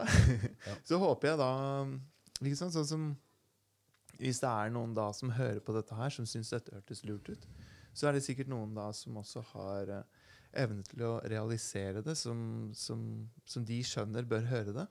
Høre om ideen. Og så hvis det da er gjennomførbart, så, så kan man jo på en måte sniksnakke seg frem til det. Eh, og, og realisere det. Det hadde vært fantastisk. Jeg har elbil for øvrig. Det, det henger eh, litt sammen med at jeg har lyst til å komme vel frem og hjem. frem og tilbake når jeg skal ut og kjøre bil. Jeg kjører bare Tesla. Så jeg fikk ja. Jeg har en Hyundai Ionic. Ioniq. Ja. eh, Det er en folkebil. Den er veldig bra. Det er bra. Koster ikke så mye. Det er også en veldig fin bil, da. Det ser ut som en racerbil. Ja. Barna mine er veldig fornøyd med at vi kjører racerbil. Er. Men uh, Nei, men det er jo et eksempel på liksom gode, Det er en god idé. ja, det syns jeg òg. Det er en god idé. Ja. Men så er, det er klart at det er jo mye sånn ikke sant? Hvor er det disse folka som kommer altså, Man kan eh, sette spørsmålstegn ved det nå. Det er liksom, Hvor er disse folka på veien? Er de halvveis til Kristiansand? Altså, Hvordan henger det sammen med rekkevidda på, på bil? Altså, Nå blir jo rekkevidda bedre og bedre. Nå kan du kjøre Ja. liksom eh, altså, det, er mange, det er mange spørsmål man kan stille ved, ved sånne ting. da Ja, ja. så eh, Men, Men, Men- men det, som, det som skal sies der da, i denne sammenheng, er det at uh, Norge AS holdt på å si, skriker etter ladestasjoner. Så det er altfor få av de. Eh, og hvis man er så holdt på å si uheldig å kjøre elbil i Oslo-Akershus-regionen, så, så står man jo i ladekø veldig mange steder. er. Folk skriver kåserier om det i, i aviser. Men det er jo altså Det der er Det er jo litt sånn eh, men, eh, i, forhold til, liksom, I forhold til finanskrisa, for eksempel, da. Mm. Og i forhold til bærekraft, så er det jo, kan man gjøre seg sine betenkeligheter. ikke sant? Men og, i Kragerø så blei jo bilen introdusert, som jeg nevnte, på et tidspunkt, i en by som aldri var lagd for, for biltrafikk. ikke sant? De tvinga bilen inn i et sted som på en måte aldri noen altså Fordi at det hang sammen med ideen om by. Og så har du i kjølvannet av det også kommet sånne tanker som den øst-vest-forbindelsen. det er bare, altså etter, at, etter perestrojka så er det bare Kragerø som har et øst-vest-problem fortsatt. Og det handler om liksom Tommeseia. Ja. Og så er det mange, nå, det er flåste sagt, men det er mange som har gode vektige argumenter for det. Og det har lenge vært en del av diskusjonen som en løsning på trafikkproblemet i Kragerø. Ikke sant? En sånn type ting. Ja, det, det, vi snakker om en tunnel Snakker om parkeringstunnel. Ja, til eh, på all, egentlig på alle mulige slag. Altså det, er veldig, det er en veldig stor, omfattende idé og tanke, og den har blitt tegna, og det har blitt foreslått, og det har blitt tenkt, og det har blitt investert, og det har blitt ikke sant? Viks bensinstasjon er mener jeg er kjøpt med tanke for å sikre innslaget. Ja, det Ikke sant? kommunen Altså, gjorde ja, det. Stemmer det. Ja. Så, og så er det liksom hvor skal den inn, og hvor skal den ut, og eh, alt med seg. Men altså, jeg, jeg syns det er litt interessant å, å, peke på det. Når man snakker om finanskriser, så syns jeg alltid det er litt sånn interessant å se på en bil. For en bil, det finnes jo beregninger på det her. Bare sånn i forhold til å vise hvor temporært det er, da. For en bil har- kjører da eh, ti timer i, i uka. Sånn cirka. Nå må noen sjekke tallene mine igjen, siden jeg da ljuger på påskehaug. Sånn jevnt over. Men den kjører da et antall timer i uka, ikke sant? Ja. Og så kan de ofte gå over 200 km i timen. Ja. De kan ofte gå over 200 km i timen. Og, de kan, og så har de plass til fem. Ja. Så jevnt, jevnt over så, så, bru, så brukes en bil da altså, Den bruker bare minimalt av kapasiteten sin. Ja. Potensialet sitt. Hele tida. Og det, altså man, vi liker å se til USA og liksom se hvor latterlig helsesystemet der er. For det er, så, det er så utrolig dyrt per capita. Men hvis vi da tenker på bilen som et transportmiddel, så er det mange som har sagt at det er liksom, som internett. Det har kommet for å bli. Men hvis man skal tenke på den mest hensiktsmessige måten å transportere mennesker på, så er vi jo ganske, ganske langt unna det Ja. med dagens situasjon. Og samtidig så er det da sånn at man legger til rette på alle mulige måter. Så er det bilen man legger til rette for eh, når man skaper byer, når man, liksom, eh, når man eh, lager samfunn. ikke sant? Og spesielt på steder som er ute på landet. Så det med for Kragerøs vedkommende å legge til rette for sånn som man har gjort på 60-tallet, med de følgene det har fått, for, eh, for eh, noe som på en måte er i sin spede begynnelse. Nå har man sett at det, altså det, går, det går en vei. Altså nå er det elbiler, og det, det kommer til å forandre seg fordi det må forandre seg. Ikke sant? Av bærekraft og på grunn av hensiktsmessighet så må det forandre seg. Og det kan godt hende at et sted som Kragerø har mye, har mye mer eh, altså det, Sånn som Kragerø en gang var, har mye mer for seg for framtida enn en 60-talls-Kragerø, som vi nå har endt opp med. Ja. Bare se for deg nå du bor på Andørlingen eller noe sånt Ja, sted. Og så, så jobber du i Porsgrunn. Så har du bil. Ja. Men så parkerer du på Kragerø Ladepark. ladepark. Ja. Og tar Og så tar du shuttle opp til bilen din. Det, er jo, det er jo helt genialt. Ja, for det er jo Uh, Jeg merker jo veldig godt med mange unge mennesker som bor i Oslo. Uh, det er mange av de som ikke er interessert i å ta lappen engang. Og hvis de har lappen, så kjører de veldig lite. Uh, og det er jo fordi at det er mye mer tilrettelagt for kollektivtrafikk. Det er jo mye kjekkere. Og det er jo så dyrt med parkering og sånn. Så det er jo, det er jo en, en eh, helt tydelig trend. Det er jeg helt enig i, som Daniel sier. At det er helt sånn å gå baklengs inn i framtida og skal videreutvikle breie bilveier i Kragerø nå. Altså det, jeg vet ikke om noen som er interessert i det engang. Ikke inne i sentrum, tror jeg. Nei. Men at man må ha sånne muligheter eh. Men jeg tenker også, det må jeg si eh, Jeg er gammel, men jeg er ikke så gammel. da, at Jeg husker jo hvordan det er å ha småunger og skal frakte hit og dit og osv. Må, jo ha, må jo ha bil. Ja, man må liksom komme fram, ikke sant? Ja. Fordi eh, Så det er jo om å gjøre at det blir Man må kunne klare å ha flere tanker i hodet på en gang. Ja. Men man må ikke nødvendigvis ha Og så er det veldig bra at disse elbilene har kommet. da. Jeg håper at det stemmer, at de er eh, så mye mer miljø, miljøvennlige enn eh, de eh, konvensjonelle bilene. Ja, I hvert fall på sikt så blir de jo sikkert uh, bare bedre og bedre. Ja. Uh, sånn Med tanke på hva de prater om teknologien, så er det dette med batteriene. At de uh, er på et eller annet vis ikke så veldig miljøvennlig som man skal, vil ha det til. Da. Jeg, Men, men det vil jo bare bli bedre. når jeg, hadde min, jeg hadde jo noen veteranbiler, noen gamle Volvoer. Den siste jeg hadde, som jeg var veldig fornøyd med. Jeg er veldig veldig glad i de gamle Volvoene. Jeg hadde en 71-årgang, 145 Ekspress. Og den var jo veldig glad i blybensin. Men i miljøregnskapssammenheng så hadde, kjørte jeg rundt med veldig god samvittighet med den. For den var jo da ikke sant, 71-årgang. Så de ressursene som ble brukt på å bygge den, Ja. de ble brukt da. Mm. Den ene gangen. Ja. Og så har den bevist eh, at den kan rulle og gå i alle de åra etterpå. Ja, og det er jo et, eh, det er en fornuftig måte å tenke på det. Man skal i hvert fall eh, ikke kassere bilen for fort. Er, hvis man gjør det, så er man jo et miljøsvin. Så har jo bensin blitt litt bedre òg. Ja. Ikke sant? Vi fikk jo 95 Det var 98 før, var det ikke det? Jo. Men nå er vi inne på et veldig smalt tema, holdt jeg på å si. Vi er jo Kragerø-folk. Eh, jeg, jeg tenker eh, Hvis vi skal få til utvikling i Kragerø, så etter min mening der, da Ordentlig utvikling, altså. Ja, altså ikke den- bare sånn Den veien jeg vil at Kragerø skal gå, Ja. hvis jeg får lov til å ha en mening om det, så er det det at eh, vi bør gjøre et eller annet, og det er, der jeg, det er det jeg har lyst til å finne ut av, eh, for å bli så attraktive for bedrifter at de etablerer seg her i kommunen, i sentrum og andre steder eh, rundt om. Eh, og eh, og eh, har ansatte her som jobber her. Eh, og det kan godt være et hovedkontor et eller annet annet sted. Det kan være i Oslo, Bergen, New York for den saks skyld. Eh, men at, at vi vil få flere av disse her uh, ulike aktørene som ikke trenger å være så veldig nær sin uh, holdt på å si moderbedrift, da, for å kunne utøve sin virksomhet. Det, det tror jeg er en sånn veldig nøkkel for oss å få, få til noe Mm. i byen vår. Og så tenker jeg at vi må gjøre noe for oss å prøve å skape ny, ny på en måte Altså prøve å våge å teste ting. Og være litt sånn innovative.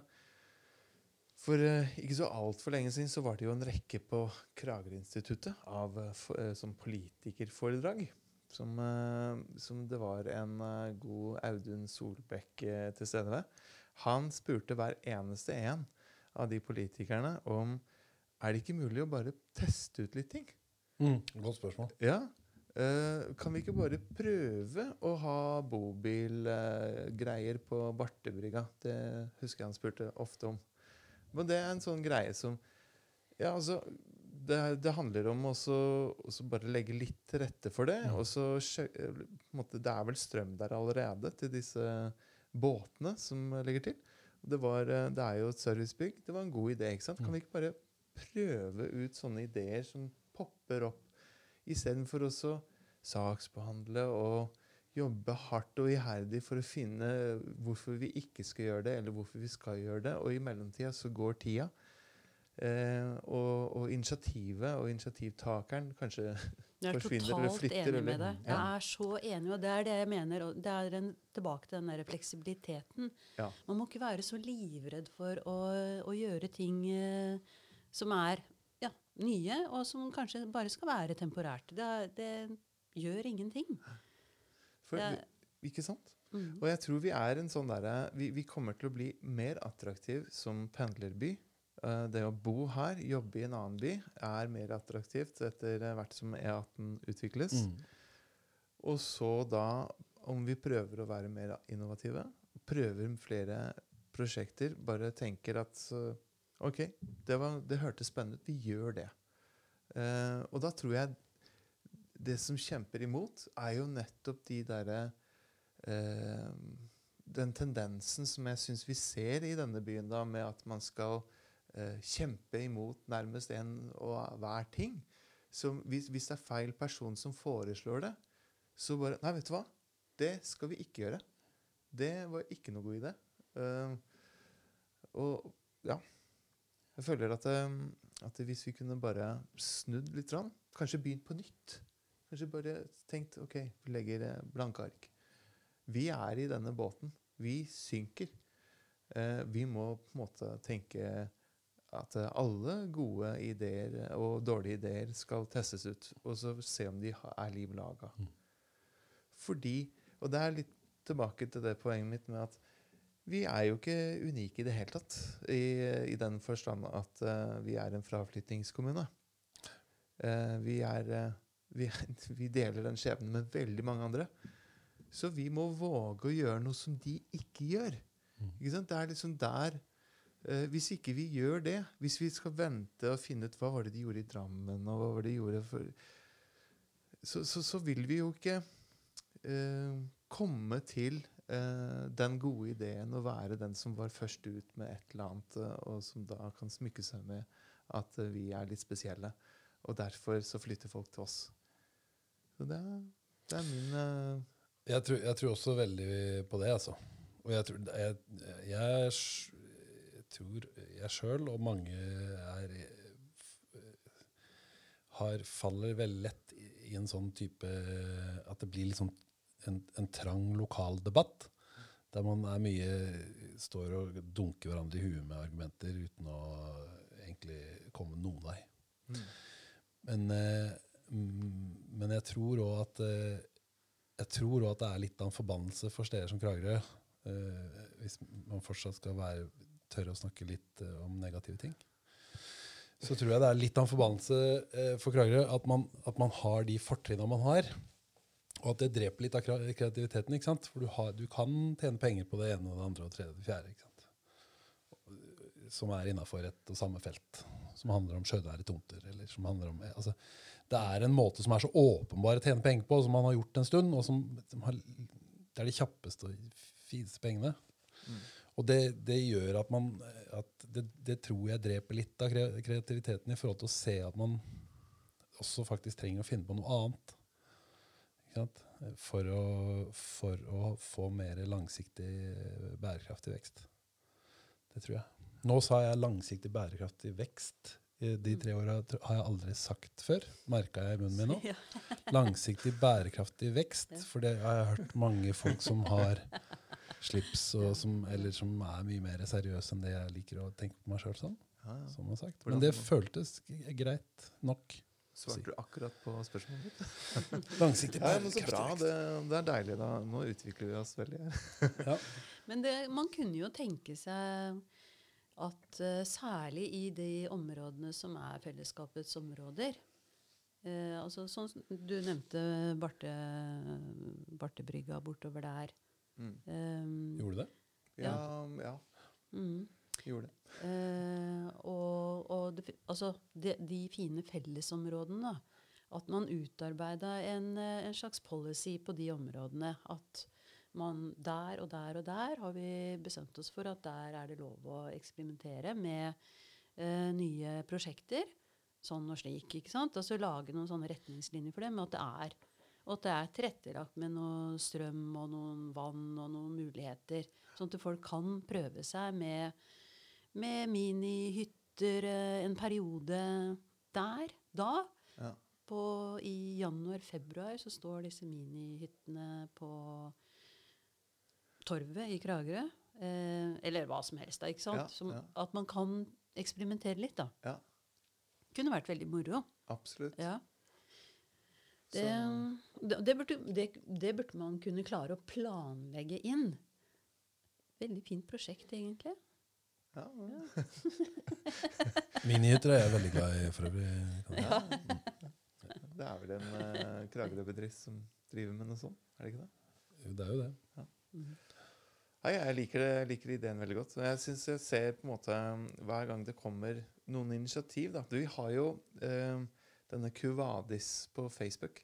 Mm. Der hvor uh, veldig mye debatteres. Og det, er kanskje litt sånn feil å legge for mye uh, vekt på alt det som kommer av negativ galle der. For det er, jeg har inntrykk av at det er ikke så fryktelig mange egentlig som kommer med all den edruen og gallen. Det er de to samme folka hele tiden. Det er en deilig fordom. Ja, ikke sant. Men det er, ja, det er noen flere enn to, altså. Men, men sånn som den derre Hvis man bare tar uh, skatemiljøet, da. Så var det jo noen som hadde et forslag om å etablere en eh, sånn derre ramp på Gunnarsholmen. Og det var jo så så ut til de grader eh, teit forslag. Eh, var- så var så mange som mente det var så ille. På Kuwadis, Eh, på Cuvadis, og jeg vil tro andre steder òg, Mm. eh, at eh, jeg kan tenke meg at hvis det hadde blitt etablert eh, som et prøveprosjekt, så hadde jo det blitt ganske sånn sånn kjip stemning rundt det hele, da. Eh, hvis, det, hvis man fikk bare lov til å prøve uten å få all den ederen og galen, og så kunne man liksom sett hvordan det funka. Um, om det ble brukt masse, og og det måte, men at det ble helt feil i forhold til badende gjester osv., så, videre, så kunne man jo gjort en endring. Tweaka det litt, som jeg liker å si. Men, uh, men jeg syns den, den tendensen til å bare komme med så masse eder og gale, det er til hinder for uh, at vi kan teste ut litt ting. Nå ser vi også den der livsløpsparken Mm. som eh, skal etableres eh, på Kalstad. Eh, det er jo s- 100 kommentarer nå om, om hvor, hvor måte dum kommunen er som skal bruke noen millioner på det. Eh, og feilbruk og, og knyttes opp mot det ene og det andre. Og der har vi den der problematikken som jeg tror eh, Jone Blikra, vår forhenværende ordfører, tok opp. At det, det er jo viktig å, å bygge og støtte opp under de prosjektene som blir vedtatt, og, og se de realisert og få de i gang. Uh, og så uh, ikke sette de opp mot nødvendigvis andre, men heller tenke det at uh, i neste omgang så er det de andre sin tur, på en måte. Slik at vi, vi får til noe. Nå, nå mener jeg ikke det nødvendigvis uh, om B13. eh, Men, kanskje? men kanskje. Nei, jeg personlig så er jeg litt sånn derre helt, Jeg er litt fan av uh, kanskje en annen plassering for, uh, for hele den administrasjonsbyggen og osv. Jeg skjønner det er en lang, eh, broket historikk i bakgrunnen der. Ja. Men eh, jeg synes den, hvis, vi tenker liksom skalere prosjektene ned til et litt sånn mindre nivå, så er det dette her eh, med å på en måte la få en kultur for at vi kan få lov til å teste ut ting. Og få lov til å gjøre det i et positivt klima. Der hvor det er greit å prøve ut ting, og det er greit å, å feile. og Det er greit å, å, um, å, å endre på det hvis vi ser Altså, Uh, hvis vi ser at ikke det fungerer helt etter hensikt, ikke sant, så kan man liksom OK, det, vi skal ikke betrakte det som vår, vår baby, på en måte. Vi, vi, kan, vi kan endre litt på det for å tilpasse det. Men hva tror, du, hva tror du må til for å få til det? Så, For- jo, jeg tror Kragerøpodden må til. Ja, ja. Helt, Ja. uh, helt seriøst så tror jeg vi trenger en arena uh, for å få lov til å begynne å prate om disse tingene ut. Mm. Eh, og jeg tror at eh, i mangel av noe bedre, så kan Kragerøpodden fungere som noe sånt noe i, eh, Være et bidrag inn i det. Og så tror jeg at eh, ja, f.eks. Eh, kommunen kunne hatt eh, en person som var ansatt i en sånn type funksjon at eh, hver gang en eller annen eh, hadde en spennende idé, uh, og så hadde den personen som oppgave å være kanalen inn, og, og så har den personen kanskje et driftsbudsjett på en million eller to. Du, tenker på, du tenker på en kultursjef, du? Nja Jeg tenker egentlig mer sånn uh, prosjektsjef, eller idésjef, Ja. eller uh, utviklingssjef, eller uh, Fordi fordi at det er, det er litt viktig at det, når vi snakker om det å være fleksibel og tilpasningsdyktig, da, så, så tror jeg det er viktig at det, det må skje litt sånn fort. I dagens verden så, så trenger vi å realisere det litt fort for at det skal være noe vits i å gjøre det. Altså, jeg, er enig i det at en kommune bør ikke kaste bort pengene sine, men, men jeg tror det, det er liksom litt av Jeg glemte å ta på de. jeg. Apropos, apropos fleksibilitet. Ja. Altså, ikke sant? Mm. Nettopp det, altså Når du har ideen, og du, hvis man kan se den realisert i løpet av relativt kort tid, så tror jeg det ville vært veldig positivt. Nå tror jeg jeg skal bare Ja. En liten forlater. Jeg, tror, jeg tror også det er, jeg tror det er veldig lurt. Mm. Og så tror, jeg- eh, tror jeg det at sånne eksterne blikk som, eh, som du, Knut, har, er liksom er, det, det trengs. Det er forfriskende. Det er veldig forfriskende. Mm. Jeg, eh, jeg eh, f, føler meg hva, si, hva sier man? Jeg, jeg føler meg truffet. Du føler deg truffet. Og siderumpa. Ja, det gjør jeg. Ja, men, og, men, og, det, og så er det godt å innrømme det. Det er nesten som jeg da har gjort noe med det. Når jeg, har, eh, når jeg bare innrømmer det. Men jeg tenker på Det har jeg jo ikke. Du vet eh, sånn som på Majorstua. Mm. Majorstuakrysset. Mm. Så har de jo det området der hvor eh, Er det arkitektstudentene som setter opp noe nytt, noe veldig ofte en sånn paviljong som de endrer? Det, eh, det, da vet jeg det ikke. Nei. Men det er, jeg tror det er det. Ja, ja. Og det, det er jo kjempespennende og veldig artig og interessant. Og det, sånn gjør man jo mange steder. Og har sånne midlertidige bygninger eller um, funksjoner eller um, Så jeg ser det helt tydelig for meg at det er flere steder i Kragerø som kunne, hvor det kunne vært skikkelig gøy å gjøre. Ja. Nei, jeg tror det, eh, det som eh, eh, i, forhold til, I forhold til skaterne det, det er litt eh, det, er, det er litt viktig, tror jeg. Fordi at det det handler Altså, skaterne er eks eksempler på altså Det viktige med byer er at folk bruker de. Det mest fremtredende med byer er at det er folk der som bruker de. Og det er en greie med sånn street Men den nye, nye skateparken, eller hva det heter for noe, i Kragerø, den skal være oppe på Livsløps, Livsløpsparken. er på Karlstad. Ja. Mm. Ja. Ja. Det skal Ja. Men, og det, det, er et veld, det er en veldig god ting, det. Altså. Men i Ja, forhold, til det, i forhold til det som eh, ble foreslått på Gunnarsholmen der, så er det et godt eksempel på ting som er, som er veldig eh, Skaterne, og det man ikke har skjønt med skaterne, er nettopp det. At det er, liksom, de, det er folk som bruker byen aktivt. Mm. Og, og at det er noe av det det er eh, viktig å legge til rette for, tenker jeg sånn i, fleksibelt eller permanent. Eller, altså det, det bør handle veldig mye om altså Nå er det veldig mange ting som gjør det veldig behagelig å være i Kragerø. Mm. Men, men det at det er behagelig å oppholde seg og være i sentrum, eller der folk bor, og at det er lagt til rette for det, det er, det er også veldig Det er veldig sentralt å begynne med det, da. Det, Nettopp. nettopp. Altså, jeg, jeg tenker at eh, det vil være en grunn til å bo her. Å bosette seg her hvis man ikke allerede gjør det. Eh, å bli her hvis man eh, er så heldig å bo her. Og, og, og, på en måte lurer på liksom, hva, hva, hva skal vi bruke tida vår på. Nå jeg, har jeg tre barn som jeg skal se vokse opp i byen. Jeg... vi, jeg skal innrømme at eh, vi, vi kjøpte huset på Karlstad før vi begynte å formere oss. Men vi hadde jo en tanke da, om at det er greit å bo i nærheten av den skolen. Eh, som da ble nedlagt eh, svært kort tid etterpå. oi, dumt. Satt vi litt sånn slukørete Men det var jo ikke sånn vi planla. Vi, vi skulle jo liksom om, om så og så mange år og ditt og datt, så, så har vi kanskje to, tre, fire barn. Og da kommer jo de til å gå på den skolen.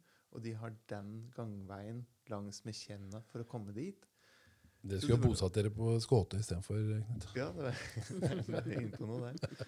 Men altså, det, så, så vi satt ganske slukøre tilbake, og jeg tenker at den, den derre følelsen av øh, å, å på en måte liksom oppdage at, at, at kanskje navet for det området, da, for ungdomsaktivitet og barneaktivitet, det forsvant. Det gjorde at eh, jeg nå Og vi da måte tenkte ja, Søren, eller hva, hva skal vi gjøre nå? Skal vi, skal vi bevege oss internt i kommunen? Ditt og datt. Nå har jeg tatt eh, arbeid uh, utafor kommunen. Kanskje vi skulle gjort noe annet? ikke sant? Vi, vi, vi begynte å stille de spørsmålene, og så kom denne livsløpsparkgreia opp mm, mm. eh, og frem. Og vi ble så glad, Mhm. Mm. og fant det som en grunn til å bli. Mm. Og vi har sittet og kryssa fingre og alt som er, som kan krysses, for oss å, og håper at det realiseres. Og vi har da tenkt ja, da, men hvis det blir noe som, som realiseres i en eller annen form slik det er sånn delvis tenkt, ja, da, da har vi fått tilbake da, det navet, den grunnen til at det, det er en god grunn for barn og ungdom å, å bo på Karlstad. Jeg kan godt bo nærmest hvor som helst, når sant skal sies. Jeg har jo, som du sier, en bil. Jeg er ganske mobil. Jeg kan bo i Sandal, jeg kan bo i Drangedal. eh, og gjøre den samme, jobbe på de samme stedene som jeg jobber, og gjøre de samme tingene. Mhm. Så det er, jeg syns det er litt viktig at vi erkjenner det. Mm. Og, og skaterne, et, Apropos skaterne, det er skatepark og sånn, det er jo faktisk egentlig mest sparkesykkelfolk Mm, og, og syklister som bruker det. Å ja, okay. Så det er, det er jo også en sånn greie som Men- øh, Kona mi sa det i dag, for øvrig. Unnskyld. Men at, det, at det er litt synd at man bruker begrepet skatepark. Mhm. Man, hvis, det, hvis man hadde kalt det rullepark eller et eller annet som noe annet, sånn at folk forsto at vi snakker ikke om de kanskje 20-30 alene som bruker skateboard, men vi snakker om de kanskje noen hundre eller noe sånt, som, som bruker sykkel og sparkesykkel og skateboard og, og rollerblades og det ene og det andre og det tredje. Mm. Og så er det jo ikke sånn at man enten driver med organisert idrett eller ikke. Og kun det. Jeg, jeg tipper vi kommer til å se noen håndballspillere og noen fotballspillere også på det stedet der. Mm. Så det, det er sånn Ja, jeg, jeg, er fryktelig glad for at det, det ser ut til å bli realisert. Da, Men, si. nei, du skulle si noe? Nei, jeg skal alltid si noe. Så det er bare, det er bare å Nei, for det, altså, Vi snakka jo litt om det med, med agenda for Ja. Kragerø-podden. Ja. Og jeg eh, eh, er som deg veldig spent på hva dette her skal bli for noe. Og eh, syns det er veldig spennende den tanken at vi skal prøve oss å finne fram til folk eller miljøer som eh, ikke er så kjente fra før av, men som kan ha veldig mye å bidra med. Ikke bare når det gjelder utvikling av Kragerø som sådan, men uh, på veldig mange forskjellige måter. Eh, og det, det blir veldig gøy. Mm. Det tror jeg Kragerø har veldig godt av. Det å kunne få lov da å sitte såpass lenge som f.eks. vi gjør nå, og få frem hva, hva for noe annet som rører seg enn det vi vanligvis eh, får frem i offentligheten i Kragerø. Og vi snakker med andre folk, altså. Det er Det må vi da. Da må, da må vi leite Sånn er litt med lys og lykte. Nei, det er, det er jo kjempetopp. Det Ja, er jo ja. helt For det rått. er så mye mange fantastiske folk eh, i, eh, i dette området også. Og mange gærninger. Ja, mm. gøy, veldig da. mange. Helt sprø folk. Ja. Som har nyttige bidrag, alle som en. Ja, ja. Og vi har lyst til å styrke deres signal. Ja, Ja, ikke sant? Få, få frem hva er det de egentlig holder på med å tenke på. Og så, sist, men ikke minst eh, for min del i hvert fall, eh, styrke signal til folk. Det syns jeg er veldig viktig for øvrig. Så det er bra du sa. Men jeg tenker eh, også dette med eh, disse konfliktene, da. Mm. Eh, det å så- så på en måte betrakte de som at de, det er konflikt fordi vi ikke har full informasjon. Mm. At ikke vi forstår hverandre, egentlig. Det syns jeg er et interessant eh, aspekt. Og jeg håper at vi kan få til en sånn at det, i de temaene som er veldig betente for uh, kommunen, at, eh, eller for folk i kommunen, at vi kanskje kunne fått noen til å komme, som er aktører som kanskje står i konflikten, mm. til å forklare det sånn helt fra A til Å. Sånn som, sånn at vi kommer til bånns i det, som, som vi sier i- her. Mm. Uh, sånn at vi forstår hele siden som vedkommende representerer, fullt ut. Eh, så, så mm, fra konfliktrådet holdt jeg på å si, så, så har man det som en sånn prosess. Jeg hadde en fot innafor der litt.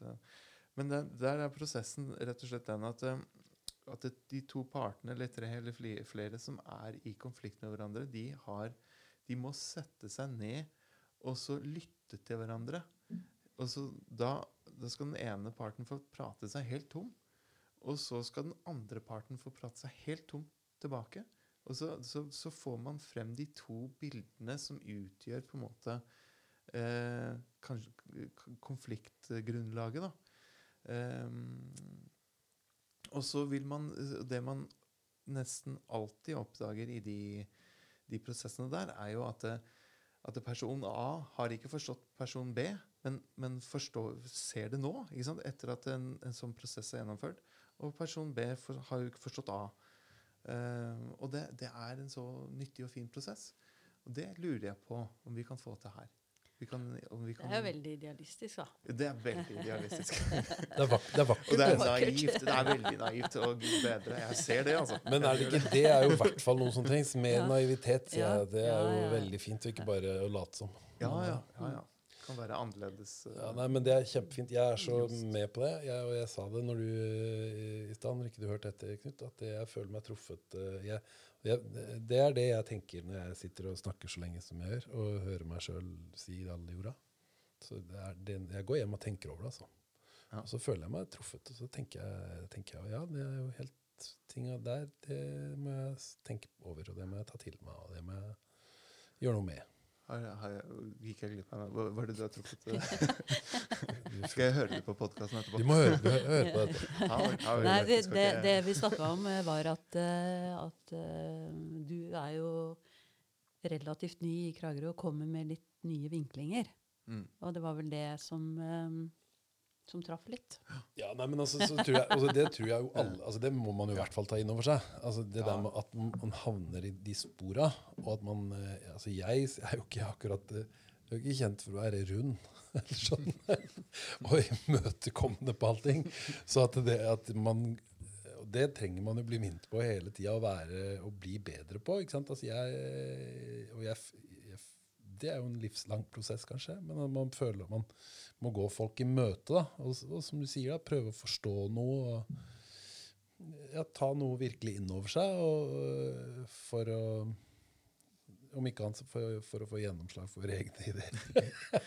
Ja, ja, ikke minst. Altså, skal, hvis ikke du lytter til en person, hvorfor skal den personen lytte til deg? Ja. Det er sånn jeg tror vi bør innse. Men det er sånn, det er eh, altså, med fare for å liksom bekrefte problemet og påpeke det, på en måte.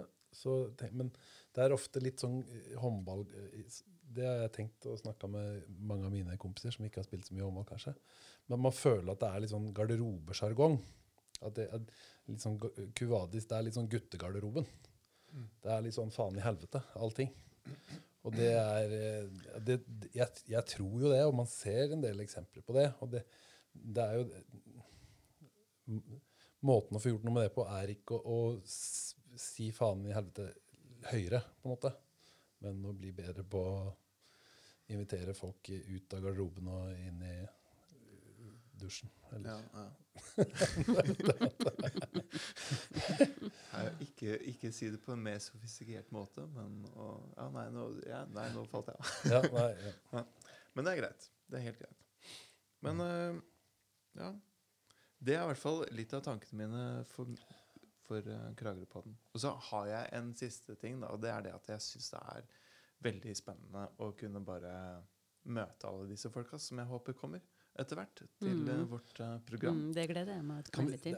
har du, har du, skal vi, er det, ligger det an til liksom frampek? Skal vi reklamere for noe? Har du noe? Vil du si noe om det? Altså, konkret?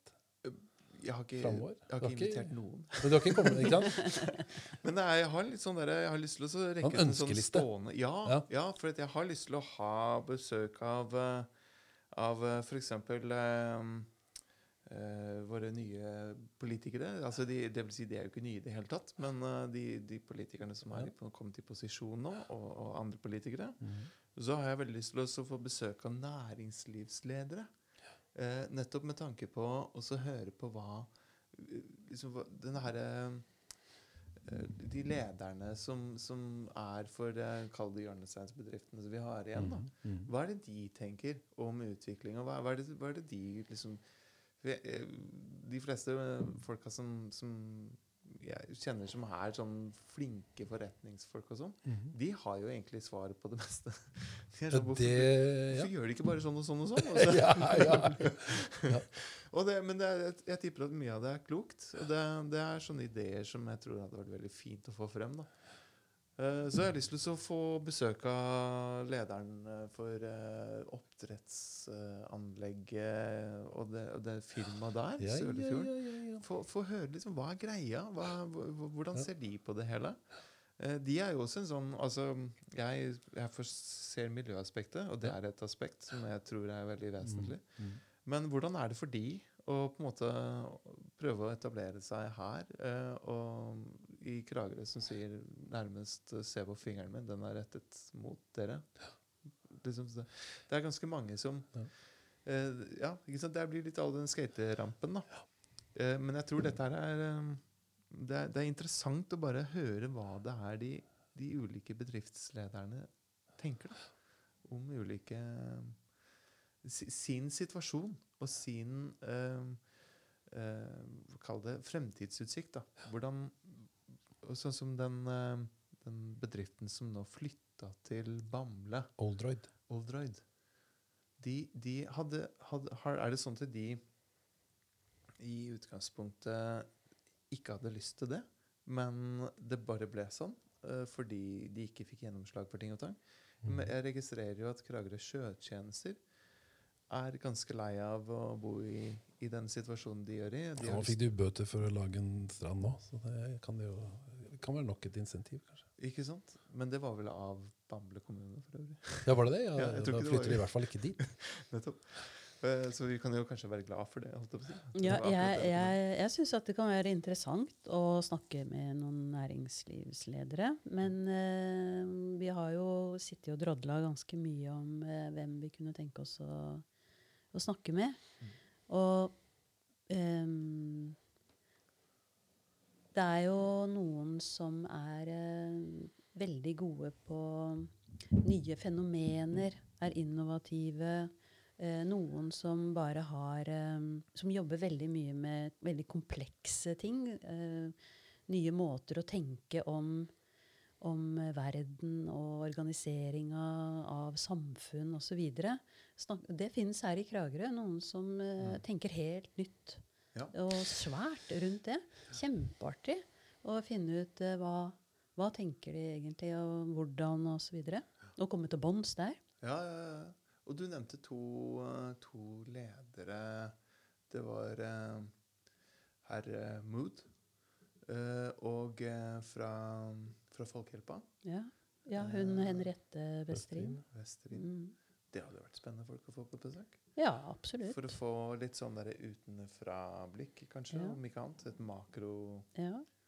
Også, og jeg, jeg syns jo det er veldig interessant å se på eh, kunstmiljøet i Kragerø. Eh, hvor eh, en kan få inntrykk av at eh, gullalderkunsten står veldig sterkt i noen miljøer. Mens det i andre miljøer er eh, sånn som på kunstskolen da, i Kragerø. Eh, Hva slags innfallsvinkel de har, hva de tenker rundt eh, denne utdanninga. Hva er forskjellen på Kragerø kunstskoles eh, kunstsyn sammenligna med andre kunstskolers syn, f.eks. Mm. Gå litt ordentlig inn i det. For jeg tror, jeg tror de har veldig mange tanker rundt det. Jeg kunne tenke meg jeg, eh, ja, eh, ja til alt dere har sagt. Og så vet jeg at det finnes en del sånne smygere i, rundt forbi her i eh, kommunen. Som, eh, man, som er litt sånn hemmelig. Og som ikke nødvendigvis er så flinke til å snakke for seg, som jeg kan tenke meg at noen politikere, og, eller som jeg vet at noen politikere og noen næringslivsfolk er. Og som jeg vet at noen kunstfolk er òg. Ja, Men noen som driver med liksom helt altså de, de, de der helt sånn eh, egne stemmene som man kanskje bare har en eh, fantasi om at det finnes, men som de stemmene som bare blir til av seg sjøl helt plutselig. Ja, det hadde jo vært kjempegøy, da. Men det er, noen, det er noen, jeg vet om noen sånne eksempler på det, Ja. uten at jeg skal oute de Ja. med en gang, men Mm. som, som driver med noe som er helt apart, øh, og som har, kunne vært kjempegøy. Mm. Og som jeg vet at det er gøy å Ja, som er, det, det er moro å snakke med. Mm. Helt klart. Mm. Så jeg har lyst til å komme til bunns i sånne ideer som eh, gondol eh, Det er noen som prater om gondol eh, til, eh, tå, til Tåtøy og videre til Sabbestad. Og heis opp til Utsikten, eller hva det heter. Storkollen. Steinmann. Til Steinmann. Ja, ja. Det er Steinmann. heter Steinmann. Ja. Jeg syns det høres ut som dødskulle ideer. Ja, ja, ja, ja. Hvorfor, hvorfor stanger det? Hvorfor blir ikke det realisert? Er det, hva, hva mener Kragerø bys venner om noen sånne ting? Kragerøbys venner eh, har ikke eh, Ingen kommentar. Nei, eh, Kragerø, eh, nei, men det Jeg tror Altså, vet du hva? Det er jo også litt sånn jeg Er du leder i, i Byvennene? Jeg er sjef. Nei, jeg er absolutt ikke det. Jeg eh, ble spurt av min gamle eminente norsklærer, en av de beste lærerne jeg har hatt, eh, Olav Drevland, om å være med som et ungdomsalibi. Og da tenkte jeg kunne vri opp ungdomskluten min i Kragerbys venner. Okay. Tyne ut de siste dråpene av ungdommelighet i det. Og det kan jeg jo, for der er det et voksen, en voksen gjennomsnittsalder. Ja. Så det, det gjør, men altså, jeg gjør jo, det er eh, en av grunnene. Og så syns jeg det er artig. Men jeg, altså, Kragerøbys venner prøver jo fortløpende å vurdere hva som er hva man skal, Det er mye å mene noe om. Ja. Det, det er en Men er det, bare det, de, er det bare det de driver med der, å mene noe? Nei, altså vi- man jobber seriøst i Kragerø bys venner, altså. Og Mm. Kragerø skal være glad. altså Det er jo lett for meg å si, selvfølgelig. Men man skal være glad om man har en byvenn. Altså Man skal være glad om man har sånne miljøer som orker å bruke så mye av tida si på vegne av fellesskapet uten at man tjener penger på det. Mm. Uten at, altså, når han, med, av sentimentale grunner, eller av liksom, det er et engasjement som, Mm. som går til bunns faktisk i viktige ting. Og det er klart, det kan jeg si, men eh, for sånn som det som Kragerø bys venner har gjort i forbindelse med B13-saken, er viktig. Og det er, det, det er viktig for alle som er for, og det er viktig for alle som er mot. Det er viktig for alle. Det er viktig for alle framtidig i Kragerø. Det er viktig for det er viktig at det finnes noen som tar det på såpass stort alvor, når, når det kan virke som at ikke alle andre har gjort det. Mm. Så det er veldig viktig. Men det, det er vanskelig for ikke sant? Det er en utfordring, og spesielt når det skjer eh, mye og mer og mer, Mm. så er det, så er det en utfordring for, for Kragerbys venner å, å vite hva man skal mene noe om. Mm. Og, eller å, å, å finne ut av. Eller det er ikke vanskelig, men vi, det er jo en, i hvert fall en, eh, det er noe man må snakke om underveis. Mm. Så, men jeg tror ikke nødvendigvis at man eh, trenger å mene noe om alt. Og det tror, det tror jeg ikke Kragerøbys venner syns. Vi syns ikke vi må mene noe om alt. Og så tror jeg, ikke, jeg tror jeg like gjerne man kan være positiv til ting. Eh, til noen ting som kanskje folk flest skulle tro at man var imot. Mm. Men det er, det er viktig da, at man ikke blir en sånn, eh, sånn estetikkpoliti. Mm. Det tror jeg alle at, at man ikke bare er det. liksom. Ja. Um, en som bare bremser? Er det? Ja, Er det nei, men altså eh, Estetikk er jo vanskelig. ikke sant? Altså Hvis det bare er eh, hvis, hvis man bare, altså, Vi skal jobbe for, for byens særpreg. Det er, eh, har man jo Mm. bestemt seg for. Mm. Og det særpreget er jo også et diskusjonsgrunnlag. Ikke sant? Hva Mm. består det av? Atmosfære igjen. ikke sant?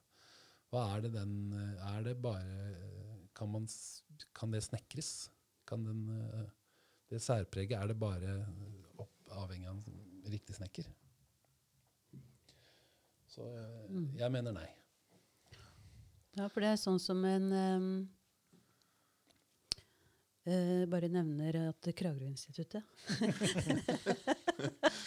Og eh, Kragerø-instituttet Ja. har, eh, har eh, vært med på å dra i gang et sånn bydelsmøte for denne delen av byen. da. Eh, og en av de tinga som kom opp der, det er jo sånn som eh, Knut nevnte nå, sånn eh, heis fra området her og opp til eh, Steinmannen. At det, det var, er visst et prosjekt som noen har jobba med veldig lenge for noen år tilbake. Og så ble det ikke gjort noe med. Og så har de gamle som bor i dette området, eller gamle og gamle, altså de eldste, dro fram det igjen, da, det prosjektet der. At det, det har de veldig lyst til å få opp på agendaen. Ja, jeg kan ikke skjønne annet enn at f- hvis man skal være litt sånn At det, det området her da, som vi sitter i nå, ved kirketomta, det er jo da et område som uh, har opplevd en del sånn butikkdød, eller at det ikke har, det har ikke gått så veldig bra for butikkene her. sånn. Og det er jo gjerne fordi folk ikke drar opp hit, altså turistene ikke går opp hit. Eh, og en sånn heis ville jo gjort susen for det. Da ville man jo plutselig hatt uh, en hel haug av folk som dro hit. Men så jeg vet ikke om det er liksom en u... Hvis, altså jeg, hvis den heisen er estetisk utformet som en sånn Og hva er det? Eh, Det er eh, en, eh, en glassheis med nøkken på toppen. Som, sånn, oh. kan du tenke deg sånn der gu, gult lys som beveger seg opp og ned fra fjellet der sånn, eh, på, på kvelden? um, så, så, så feirer vi vår uh, kunstner uh, Kittelsen. Og samtidig uh, får inn kroner og flere turister. Eh, er ikke det, det er veldig bra? Tenker jeg er supert. ja, ja. Nei, jeg, Men, men, alt kan I utgangspunktet syns jeg i hvert fall man må Alt kan snakkes om. ja, Alt må snakkes om. ja. Eh, og det er ikke det villeste altså det, er ikke, det er mange Det er mange eh, vidløftige og det er mange mer eller mindre konkrete og store prosjekter som har blitt foreslått. Sant? Kalle Christensen hadde jo, som jo nå var på Vestmark-konferansen, eh, han hadde jo forslag om Maneita. Han har jo foreslått mange ting. Det var før din tid, Knut. Men Maneita var en, et flytende kulturhus i Kirkebukta som kom på banen i anledning eh, Kragerøbanens nedleggelse. Og der det skulle være alle mulige fasiliteter. og eh, Jeg tror ikke det var noen ting som ikke skulle være i den Maneita, men en sånn kjempemessig maneitforma flytende konstruksjon i eh, Kirkebukta med et eh, gigantisk parkeringsanlegg eh, under vann. Yes. Og det høres ut som tull. Jeg ser at du Nei, jeg, jeg sitter og jeg, ser det for meg, med, og jeg tenker at dæven, så kult! Ja, ja, ja. Men ikke sant, og det, det eh, Ja, jeg eh, det, eh, Jeg tror ikke det er eh, det, det, ble, det var vel ikke alle som tok det like seriøst? Nei, det var sikkert noen som sa vet du hva, det der er jo helt riv ruskende galskap. Ja, det var det Og mange av de ødelegger estetikken. Og, ja. Hva med skylinen av uh, Men uh, poenget, et poeng i hvert fall med en maneit, Mm. til forskjell fra en tunnel, Mm. er at en maneit kan du eh, slepe ned til India og strande. og hogge opp. Det kan du ikke med en tunnel. Nei, det er. Så du kunne så, Nei, det er, all, det er vel en greie i forhold til det du sier. Altså, vi, og det er viktig å understreke, at ting må tas opp og snakkes om og debatteres. Er- Og det er, mange, det er ganske mange av de tinga som Det er ganske mange nye forslag som blir avfeid ganske kjapt, tror jeg. Ja. Og, det, og, det, og så er det enkelte ting som man ikke vil snakke om. Som alle skal være liksom enige Sånn som boplikta, eksempel. Altså bare på sånt helt eh. Så, som, som er et eksempel på en ting man liksom skal være helt enige om. og som ikke, det, skal vi, eller det, det er veldig få som tør å, å si noe om det. Frp er vel de som Hva har de programfesta om det? Er de, er de for eh, å eh, Det er jeg usikker på. dumpe boplikta? Jeg, lurer, jeg tror, lurer på om de er det, altså.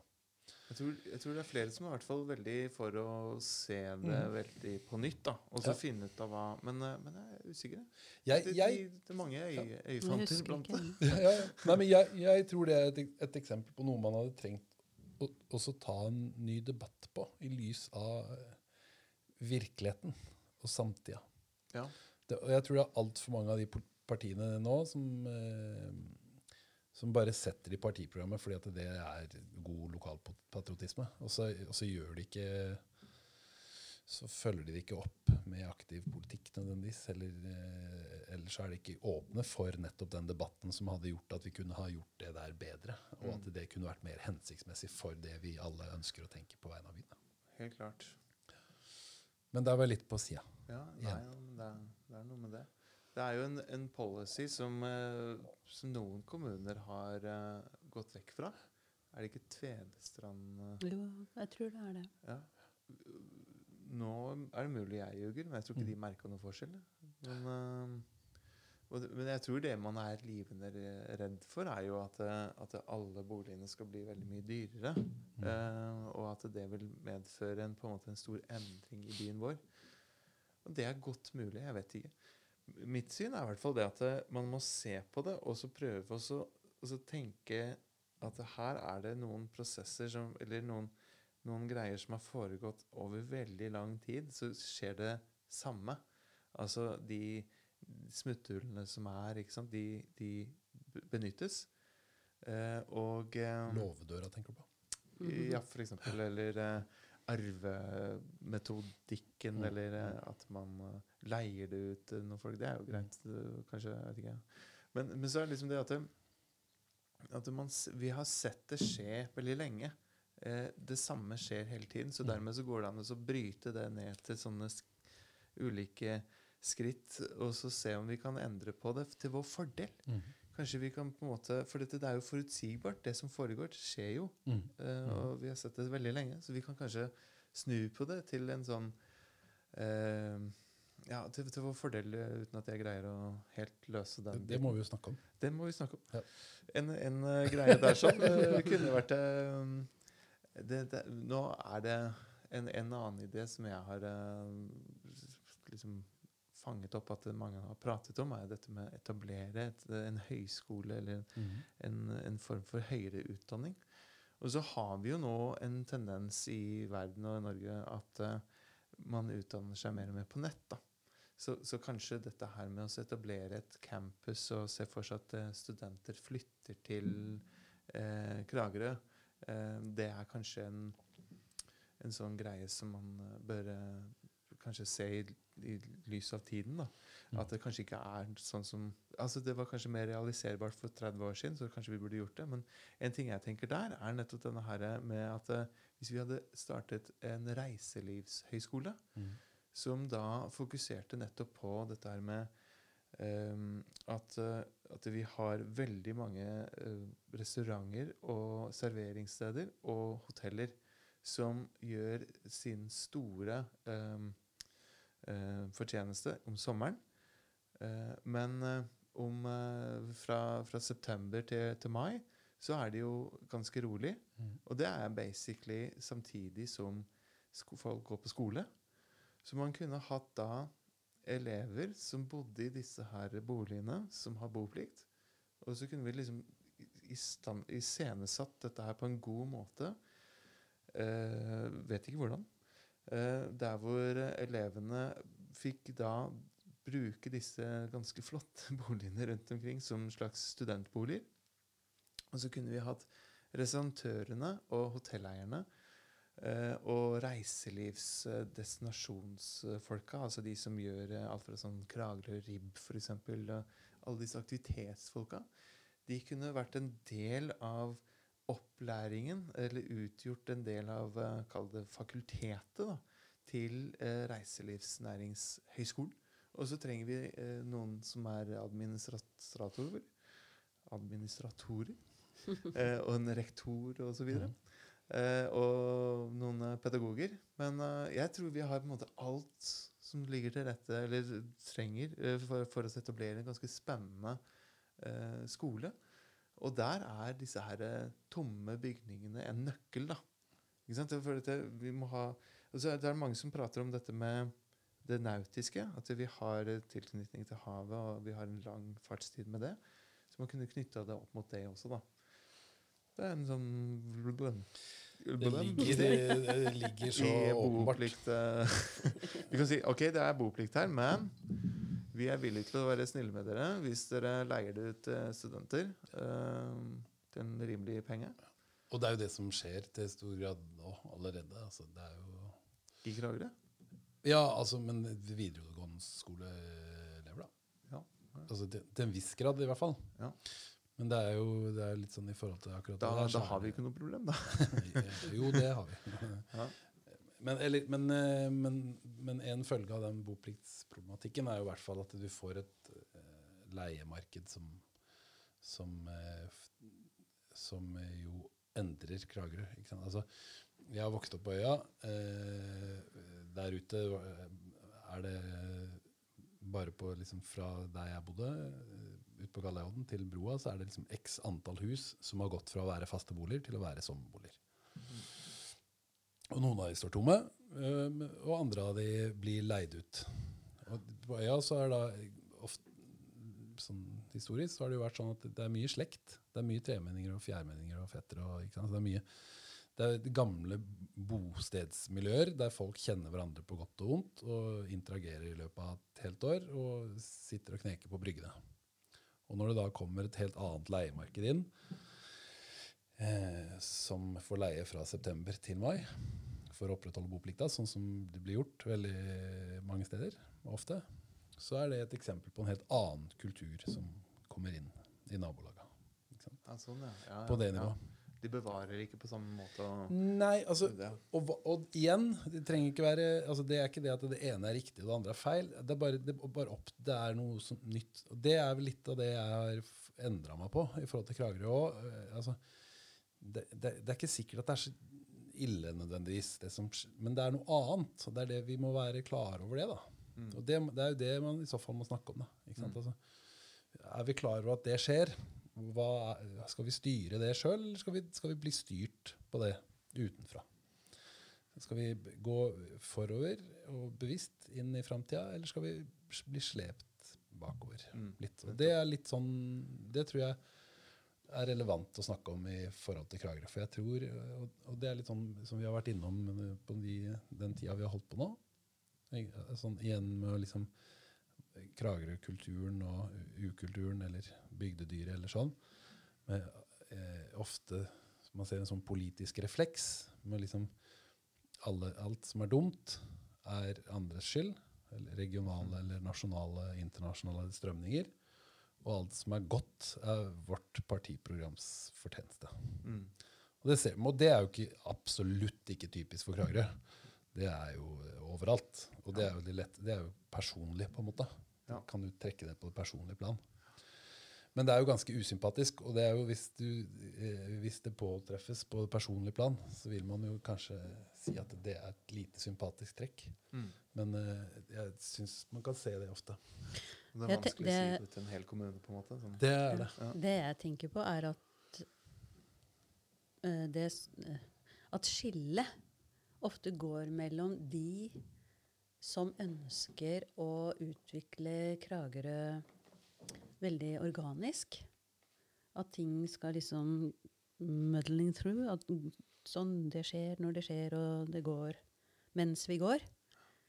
Uh, og at eh, det skal ikke være noen helhetlig plan. altså Folk må få lov å komme med tingene sine, og så må det poppe litt opp, og så går det bra, og så går det ikke bra, og så endres ting, og så vokser og gror det seg til. Og, og det kommer til uttrykk i bygningsmassen i Kragerø, for sånn har det alltid vært. Og, ikke sant? Altså, man klatter og man endrer, og så får man jo det særpreget og den sjarmen. Og sånn, og så er det noen regler som gjelder, og noen ting som ikke gjelder. Og så til slutt så har man fått en identitet og en, en, en estetikk som, øh, som er man er ganske enige om, eller noen er ganske enige om. Eller man kunne gjøre som andre steder, hvor man eh, prøver å lage en, en, en helhetlig plan. Eller kanskje ikke en helhetlig plan, men at man går for noe. da. At man satser på noe. Eh, gjerne gjerne f.eks. Eh, reiselivs... Eh, altså eh, satse på reiseliv. Både sånn når det gjelder forskning, utdanning, når det gjelder um, oppgradering av reiselivet som finnes. Altså å hi- dokumentere historisk Kragerø som vant til å ta gjester i over 100 år og bla, bla, bla. Masse. Man kunne putta inn i, inn i noe sånt nå. Og lage eh, Kragerø som et sånn nav for hele kystreiseliv i Norge eller rundt uh, Skagerrak eller et eller annet sånt noe. Men jeg har en følelse av uh, sånn Tilbake til de her politikerforedragene som har vært på dette Kragerø-instituttet. Så, Må du ha sånn ding hver gang det kommer noe? Ding! Å, har du flere? Har oi, nå kommer Ja, ja. frem. Nei, det er at um, det, det, det de sa, det er at ja, det er Fikkjebakke, Fikkjebakke og Fikkjebakke, og så er det E18. Ja. Det Ja, er det det, la de, de, de Mm. politiske partiene som liksom pekte ut noen områder. Men så er det noen partier som ikke vil peke ut noen områder, som er på den der organiske sida, sånn som jeg forstår de, da. Så er det noe det ikke peker på også. Det er også interessant, men som allikevel er der. Ja. Nei, så jeg, jeg, og jeg syns det der er et dilemma. Fordi um, jeg har jo veldig tro på at hvis man kan få noen miljøer hvor man har skikkelig god kompetanse på noe, så vil det ha så god effekt utover sant, i forhold til eh, sånne ved siden av miljøer som nødvendigvis må poppe opp. Sånne underleverandører da, til hovedområdet. Og så Eh, så blir det det med, med unger, og så blir det det med urbane ting som skal skje, og så blir det det med eh, bosted, altså boliger og alt det der. Så jeg, jeg er litt sånn eh, Ja, litt i tvil om hva som er riktig av Kragerø å gjøre. Eh, det kan godt hende at det hadde vært veldig lurt å satse på, på ett område. For liksom jobbe skikkelig langsiktig med å få til noe. Sånn som, eh, som noen kommuner er veldig flinke. De har fantastisk dyktige politikere, byråkrater. Drar inn til Oslo, henter masse penger, setter i gang, får opp ting. Får opp eh, veksten i kommunen sin. Superdyktige folk. Får tak i kapital og bare bang, bang, bang. Opp med masse greier. Skjer masse bra masse nye kulturelle uttrykk osv. osv.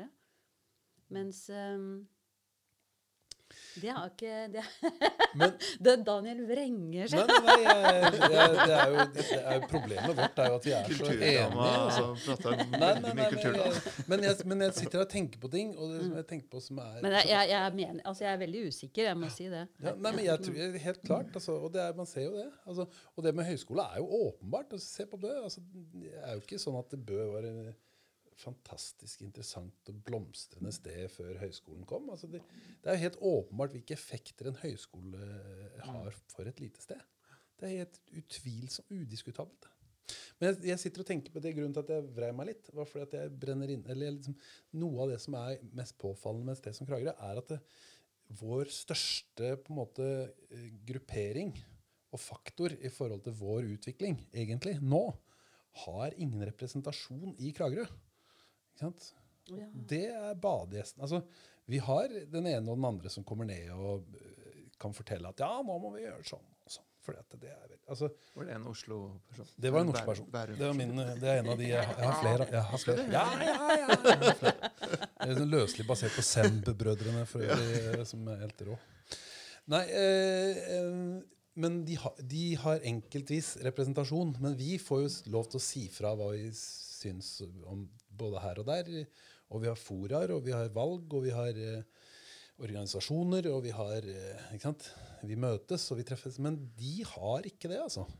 De har ikke noen kanal inn til oss der de kan på en måte gi uttrykk for, og, der de, og, og som vi kan bruke som kompetanse. da. Så det vi gjør, er jo bare litt sånn løselig basert på hva som på en måte funker. Og hva, jo, hvordan måler man funksjon i dagens samfunn? Jo, eh, inntjening. Altså Det som funker, er det som tjener penger. Det er sånn vi måler ofte ting. Så Kragerøs utvikling er jo på mange eller, Dette er en måte å se verden på, som jeg nå legger til grunn. Men jeg tenker at det er viktig da, at ikke de har noen representasjon, og at det kunne vært godt for de. Eller, men de, altså, jeg tenker kanskje de ikke bryr seg. Altså, de kommer ned til et sted som altså, De får det de vil. De får sol, de får svaberg, de får vann. Men kanskje, mest, kanskje tross alt mest for oss, da. Ja, nei, jeg skal jeg holdt på å si eh, Er vi uenige nå? Forstår? Ikke uenig, eh, men, eh, og jeg ser behovet for at de bør bli representert på en bedre Mm. måte. Mm. Men jeg, jeg hadde lyst til å bare si det, for at jeg jobba for Posten i, i en lengre periode og leverte post ut til hyttefolk.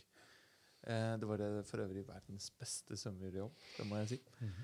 Eh, den jobben eh, da, da, På Bryggene så traff jeg jo da veldig mange forskjellige folk. Altså alt fra helt holdt, ja, normalt bemidlede mennesker som har arvet hytter, eller bare har ja, der, holdt jeg på å si, til eh, svært eh, bemidlede folk. Og alle som en. eh, jeg tør påstå absolutt alle sammen har, har en lidenskap for Kragerø. Mhm. Jeg tror ikke jeg traff noen som var likegyldig, for å si det sånn. Uh, og jeg tror egentlig at det som var gjengs, var det at uh, At det er på en måte en sånn en form for skuffelse, da. mm.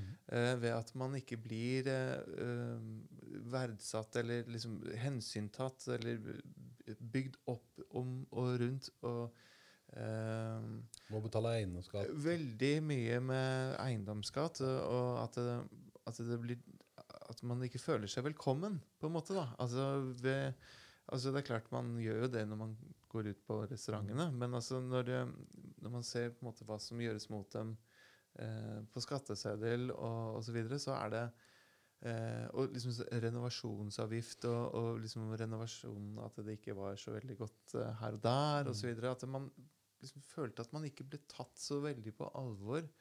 Eh, og det, det tror jeg på mange måter at vi hadde vært tjent med å snu helt på. Mm. Eh, for vi tar Jeg tror at eh, vi tar de litt for gitt, da. Jeg tror Mm. det er kanskje det de prøvde Det å oppsummere det til. Det tror jeg veldig Ja. ja. At det er en ganske farlig ting å gjøre, selvfølgelig. Så vi, vi har en veldig flott eh, skjærgård, og utviklingen har ledet til at det er veldig mange hytter der. Så det kommer alltid til å være mange hyttefolk. Mm. Det tror jeg vi kan ta for gitt. Men om de fortsetter å bruke så mye kroner her og der Det var mange som sa liksom for at jeg nekter å dra til Kragerø, for dette det er jo umulig å legge til. Mhm. Jeg drar til Valle, og det, det lever eh, de godt med. Eh, Men det er jo en sånn det, Da må vi kanskje se litt på det, da. Eh, Hva er det vi kan gjøre for at de vil komme til Kragerø? Er det, er det bedre eh, sånn fortøyningsmuligheter, eller er det, er det noe annet? Hvor er det sko å trykker for de? Det, Men, det men når vi, jeg mener jo at når vi snakker om en utvikling for eh, Kragerø, så tenker jeg først og fremst på helårskommunen. Det gjør jeg også. Eh, og, og, og det er kjempeviktig at den skjærgården blir bevart.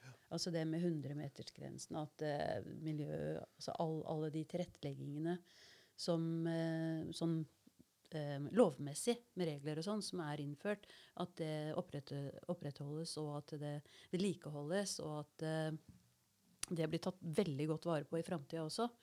Og at man slår hardt ned på sånne eh, kunstige strender eller altså alle de tinga der, det tror jeg er kjempeviktig. Sånn for å opprettholde de eh, hytteeiernes eh, interesser. Men som en utvikling av dette stedet hele året, så, så Det er det jeg egentlig snakker om nå. Mm. Det er det som er det interessante. Jeg merker, eh, jeg merker nå eh, jeg, Eller én ting er hva man ønsker seg på individ, Hva jeg kunne tenke meg personlig. Det er mye mer sånn nostalgisk og sentimentalt enn hva jeg tror liksom er en god utvikling for Kragerø. Og det er forskjell på. Men jeg er også veldig enig med deg om det. Men, men jeg, jeg har jo snakka litt om det eh, siste og alltid, men altså sånn i forhold til eh, at, at det, er, det er ikke all besøk som er altså det, er ikke, det, er kval, det er ikke kvantitet på besøket. Det er ikke mer besøk altså vi må, det, At det er viktig at vi er hjemme, da. Men jeg tror, altså på, I forhold til hva som er hensiktsmessig for Kragerø videre, så tror jeg hvis man skal være, bruke det Jeg tror vi er en badeby. Jeg tror vi må ta det inn over oss. Vi er en badeby, men da må vi gjøre det ordentlig. Da må vi gjøre det ordentlig. Altså vi, vi var en sjøfartsby, og det gjorde vi ordentlig en stund. Og så skjønte vi ikke når det tok slutt øh, helt. Så vi, klar, vi har ikke klart de overgangene helt. Men vi skal være en badeby, så må vi gjøre det ordentlig. Og det kan man gjøre med å være, ha liksom doktorgraden i bading på høyskolen her. Altså kan, det kan vi gjøre på å ha de kompetansegreiene. Altså at vi har ting og miljøer som Men vi må gjøre det ordentlig. Og så må må vi spørre oss ok, hvilke besøkende tror vi på. Tror vi på de som kommer og spiller syretekno og spiller, altså bor i Prinsessen? Skal vi være noe for alle, eller skal vi, være noe, skal vi la Risør få noen av de? Skal? Hvem er det vi vil ha? Hvem tror vi på? Hvem vil vi satse på? Hvem skal vi legge til rette for? Er det Sjarmen, eller er det til Altså, vi skal ikke bli Valle. Valle skal ikke bli Kragerø. Valle kan ha 1000 meter flytebrygge liksom, og ha skøyter på brygga og ha en menybutikk som selger bøtter og spann. Men vi skal ha en bruktbokbutikk, vi skal ha et Kragerø-institutt, vi skal ha de tinga. Eller vi, vi, i hvert fall, vi har muligheten til å ha det, da. Og det har ikke Valle. De kan ha parkering i hager og snakke grenlandsk, Ja. som er kjempefint. Det er jo fryktelig praktisk for eh, Det er veldig greit Fordi, Ja. men uh, Kan ikke vi være praktiske også? Kan vi ikke være begge deler? Kan vi ikke være Valle og Kragerø? Nei, det tror jeg ikke vi kan. Hvorfor ikke? Jeg tror ikke Det er mye med topografien og ja, jeg tror sånn. ikke det lar seg Jeg tror ikke det lar seg forene. Jeg tror ikke det er hensiktsmessig å forene. For jeg tror det, eller altså, akkurat de to tinga er eh, Men jeg tror det er visse ting da, som ikke lar seg forene, og som ikke er hensiktsmessig forene, der det ene slår det andre i hjel.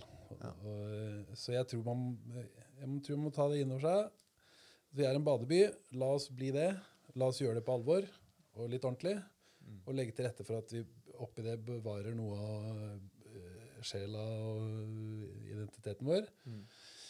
Men at vi liksom skjønner det at nå er det de Vi får ikke noen ny verft, noen nye verft. Det kommer ikke noen ny sjøfartsalder.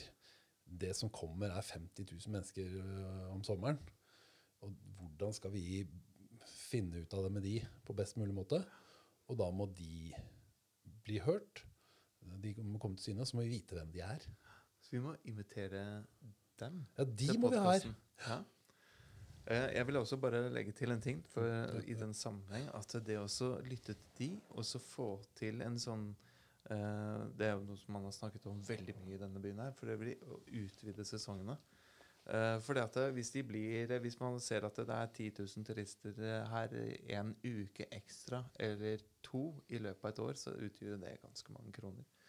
Så det, det er jo en, en måte å, gjøre, å være god i en god badeby på. Hvis man får til en sånn utvikling. jeg tror. Det er en sånn, jeg er usikker på om liksom, Hva Gjør kommunen noe der? Har vi en strategi for det? liksom? Ja, det De har har, de. har invitert til De har, møter. eh, gjennom det nye omstillingsprogrammet, Ja. så har de lagt frem en ny eh, sånn reiseplan, tror jeg de kalte det. Reiselivsplan. Og den ble veldig eh, embraced av alle politiske partier. Og der har de eh, nettopp det med å utvide sommersesongen på høst, høstsida. Ja, ja, ja, stemmer det. Hørte. Det har de, går de veldig inn for. Hvem er det som skal jobbe med det? Nei, nå, Så langt jeg har skjønt, så vil omstillingsprogrammet at det skal ansettes en destinasjonsutvikler. Som skal jobbe med akkurat de tingene vi snakker om nå. Ja, Den personen må vi også ha på podkasten vår. Det er veldig Ja. Da begynner det å bli litt. Ja, det er jo kjempeinteressant. Så jeg, eh, jeg tror altså jeg, Det er klart man må jobbe med he, hele tida med hvem er disse badegjestene og sånn. Men de er jo, de er jo da Veldig mange av de de sommerukene. Eh, selv om det er jo mange som nå har sånn det er jo, Hytta er jo et hus som de bruker eh, andre deler av året også. Men, eh, men det å, å kanskje ha fokus på eh, resten av året også, det tror jeg hadde vært veldig bra for Kragerø. Og det å få til noen Det hadde vært veldig interessant om man hadde fått til noen eh, miljøer som var helt, helt eksplisitte for Kragerø, da. Som, men som var av interesse for, eh, for eh, andre miljøer i Norge også. Som f.eks. et utdanningstilbud. da. Tenker du på noe spesielt uh, annet enn med utdanning? er du klar med knappen?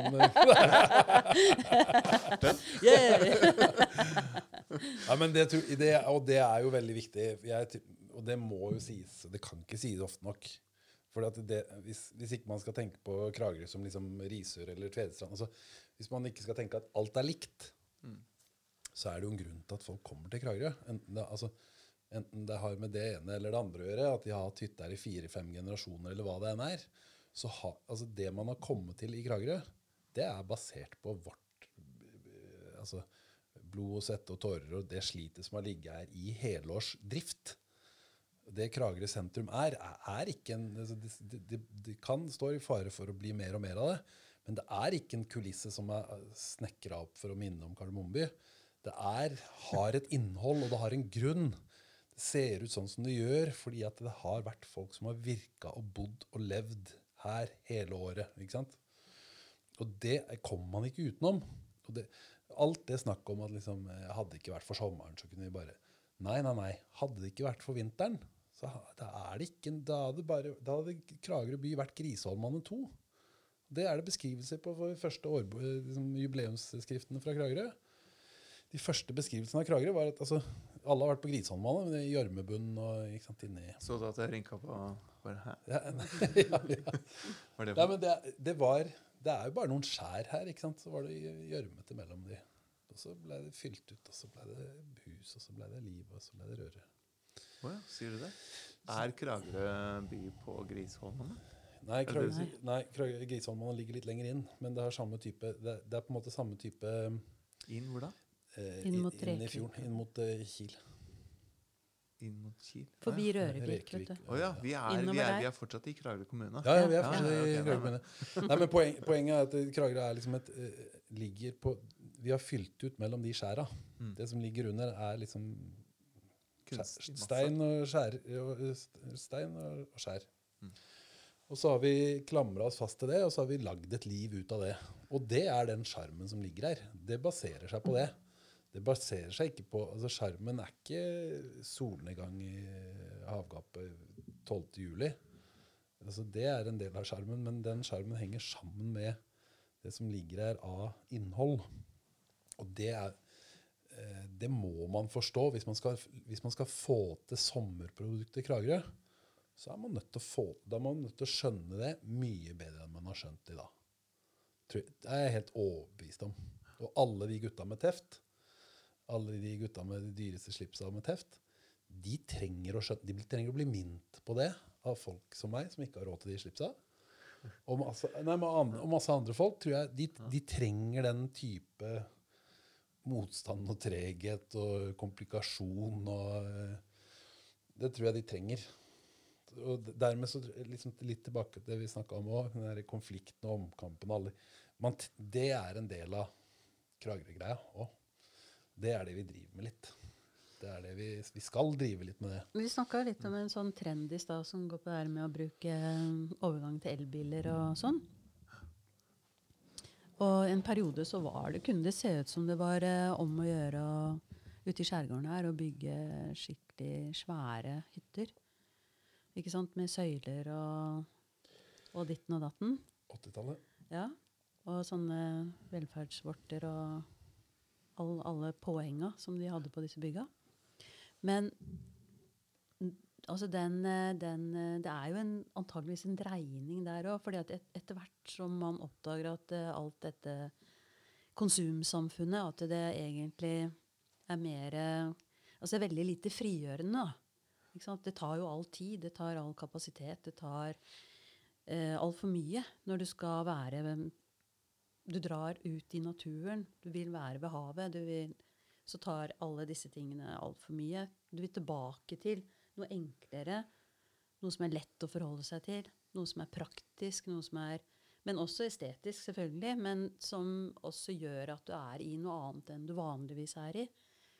Og det, det kan jo hende at eh, det er jo mange steder som, som slår seg til på det. ikke sant? Med å, å gjøre ting mer miljømessig riktig, med gode kvaliteter, gode materialer, men enklere, lett å håndtere. En, en, en enklere verden, på en måte. da. Og det, det kan jo hende at det hadde vært um, Å tenke reiseliv ut fra sånne konsepter kunne vært veldig interessant. Både her lokalt, men også i en sånn utdanningssammenheng. da. Jeg, jeg, tror, det, man, jeg tror man, det ligger så nære at man, det er derfor man ikke ser det, liksom. Ofte. Det, og det ligger litt i sånne ting som at vi Sånn som når jeg og guttene altså Når vi her i Kragerø vi, vi snakker jo om å dra utover. Hva skal du gjøre på en solskinnsdag? Liksom? Vi skal dra utover. Ja, ja, å ja. Og alle vi vet hva det er snakk om. Vi skal dra ut. Vi vet ikke hvor det er. Vi skal ut på sjøen, liksom. Mm. Eh, og det, det avspeiler noe som er det er, et, det er noe vi kan tilby. Det avspeiler liksom farta vi har her. Potensialet til liksom den, den, den roen den, som vi merker, vi som bor her hele året. Nå, nå slapper vi godt av, for nå er det ikke, er ikke folk Nå er vi for oss sjøl. Så nå har vi byen for oss sjøl. Nå, nå får vi liksom virkelig roen. Men det, det potensialet ligger her hele tida, og det trenger Det kan vi altså Kynisk sett så bør vi pakke inn og selge det på den riktige måten. Og formidle det til Seierste Bødker og gjengen. Altså, det er mange fine Seierste Bødker, men de, de, de bør få greie på det at dere burde ikke ha den raskeste dongen for å kjøre fra hytta på to minutter fram og tilbake. Dere burde, når dere kommer og har ferie, så burde dere kjenne på den gleden det er å sette dere i båten og ta den alkoholfrie ølen med en gang dere setter dere i båten. Og så altså, ikke sant? At man, det, er, det er et produkt Kan som vi er må være bevisst å selge. Da. det var eh, da eh, For kanskje år eh, Min første år her, den første sommeren, så var det noen som fortalte meg Satt jeg på Jensmann, og så skravla med en person. Så sa han at Kragerø for meg, det er å kjøpe fryste reker. Og så en, eh, en sixpack eh, selvfølgelig. Eh, som da eh, kjøles ned, godt planta i denne her fryste rekeblandingen. Eh, kjører selvfølgelig en tuff-tuff på, en sånn snekke. Eh, og så drikke denne alkoholfrie ølen, og så spise rekene eh, etter hvert som de tiner. Uh, hellig overbevist om at det er liksom den skjønneste harmonien og blandingen som finnes. Åh, det hørtes deilig ut. Eh, ja, og han, eh, han var veldig sånn Åh, det er Kragerø. Ja. Var han lokal, eller var han uh... Jeg tror det var en turist. Tror du? Ja, men det er noen som har skjønt det, ikke sant? Ja. Det er noen som, og det, men det, det, jeg mener at det er et kjempepotensial. Og man er altfor uh, og det, det er noen konkrete områder som jeg mener så- Sånn som Marina Service, da. Som har liksom Nei, hva vil folk ha? De selger liksom donger Altså, de selger gummibåter med Ja, det var, du snakker om donger, så tenker jeg noe helt annet enn en båt. Men det, Nei, det er, det er, jo det er, jeg har tenkt litt over det. Kanskje det er på tide å bytte terminologi snart. Dong og badegjest. Be- Begynne å kalle det for gummibåt og sommerturister. Altså. Jeg vet ikke. hva er det som skjer? Nei, men altså, at det, det, det er et eksempel på noe som er altså, Man, man er altfor lett for å svare på et sånt eksternt behov, istedenfor å si at vet du hva, når du kommer hjem til meg, så tar du deg på beina, så, eh, og så får du tilbud om det her. Ikke sant? Så, det er, sånn gjør vi det her. Dette er, kan jeg til. Ja. Vi har bakt det her. Denne kaka syns vi er god. Smak på den. jeg tenker litt på, på eh, Jeg har jo barn som er småbarnsforeldre. Og det som de er veldig opptatt av etter hvert, det er at de blir så møka lei av alt det utstyret som de må drasse på rundt omkring når de skal på ferie eller de skal hit og dit. Så det derre å få frigjort seg fra alle tingene, at de kan du legge igjen hjemme, og så tar du bare med deg ungene og redningsvester, og så kan de gå barbeinte og ja, at du har en enkel, enkel livsførsel. Og at du kommer, eh, kommer helt inn til skjella og tangen og ja. Ja, det, det tror jeg vel, det tror jeg kjempe Ja. på. ja. At det er det, Så det, er det, deilig. det må være litt ramsalt, det produktet. Ja. Det skal ikke være Det skal være saltvann, altså. Mm. Det skal være krabbefiske fra brygga, liksom. Mm. Det er det vi må skjønne, at der ligger kvaliteten i det vi driver med. Altså. Med, med innlagt dusj og strøm. Du får litt sånn angst i blikket der. bare så vidt. Bare så vidt. Men, eh, skal vi tilbake til eh, utedo og sånn, så, så drar jeg et annet sted. Altså. Nei, men, det, men uh, De er jo blitt veldig bra, de òg, da. Ja.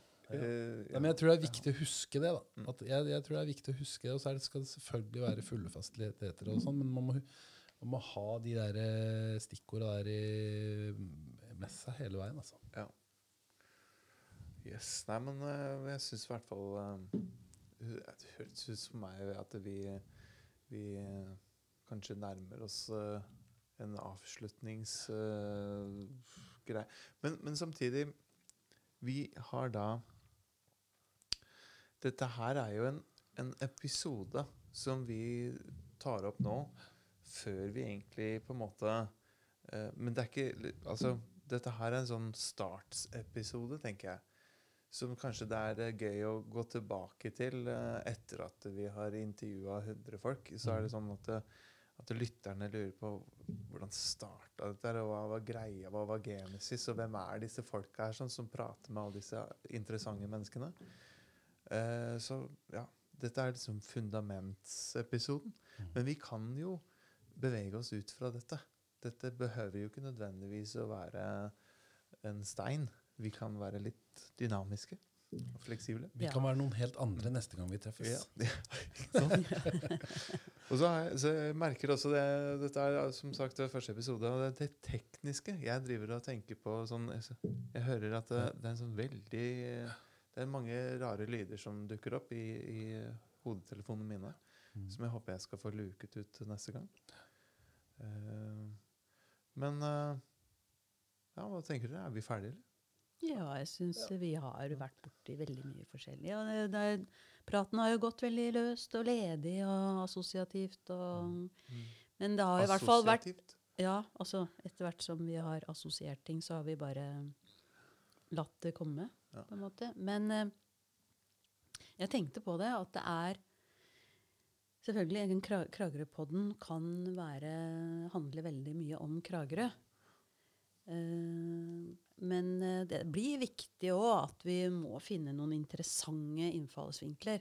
Sånn at ikke vi sitter og snakker om akkurat de tingene vi har snakka om nå i 30 Ja, ja, ja, ja, Altså, for det, jeg, jeg merker jo at på flere av temaene som vi har vært inne på nå i kveld, så jeg har ikke så veldig mye å bidra med lenger, på en måte. Nei, nei. Hvis du skjønner. si det. Nei, det er ikke Nei, men det er også meg selv. Ikke sant? Meg selv også, for det er jo noe vi stadig har oppe på agendaen. Akkurat det her med Ja, så Men er det ikke det som er planen? eh, vi? Oss? At, vi, Jo, jo. at det, er- det, en ting skal handle om det, og så skal vi ikke sant? Vi, de skal jo drive med forskjellig her. Ja, Mm. jeg, Jeg gleder meg veldig til å snakke om andre ting. Krager, altså jeg, Og se om Ja. jeg klarer det. ja. Det er ja. veldig, det blir jo Hvis ikke vi greier det, Hvordan hvordan kan vi forvente at andre skal greie det? Men jeg, jeg tenker også det at hver episode vil jo formes av, av den vi får på besøk av. Eh, og det Og tenker som- vi det at vi skal ha en gjest hver gang? Jeg har lyst til det. Ja. Eh, samtidig behøver vi jo ikke være det. Altså Hvis det er noe som skjer som er fryktelig interessant for oss å prate om, som blir nytt, mm. så må vi jo nesten ha en, en, en ta oss eh, lov til det. Mm. Eh, men ja. Jeg tenker det at eh, vi får At de forme, episodene formes av eh, gjestene og det de har å formidle. Og derfor er det jo også viktig at vi velger de med, med litt omhu, men at vi, vi går ut bredt. For hvis vi går ut bredt, så får vi frem alle disse synspunktene som i hvert fall jeg etterlyser. Men én av gangen, ikke sant? Én av gangen, eller to, eller tre. vi har egentlig bare én mikrofon til, eh, så hvis det kommer uh, flere, så må vi jo være kreative. Men det, det får vi til. Eller så må noen av oss utgå. Mm. Ja. Det er også en mulighet. få Ta en, en Mm. siesta. Ja. Det er fullt mulig. Ja. Nei, men det er- blir jo- blir jo kjempegøy. Ja. Det blir topp. det. Da sier vi ha det, da. Ja, ha det. Ha det, folkens. Ha det.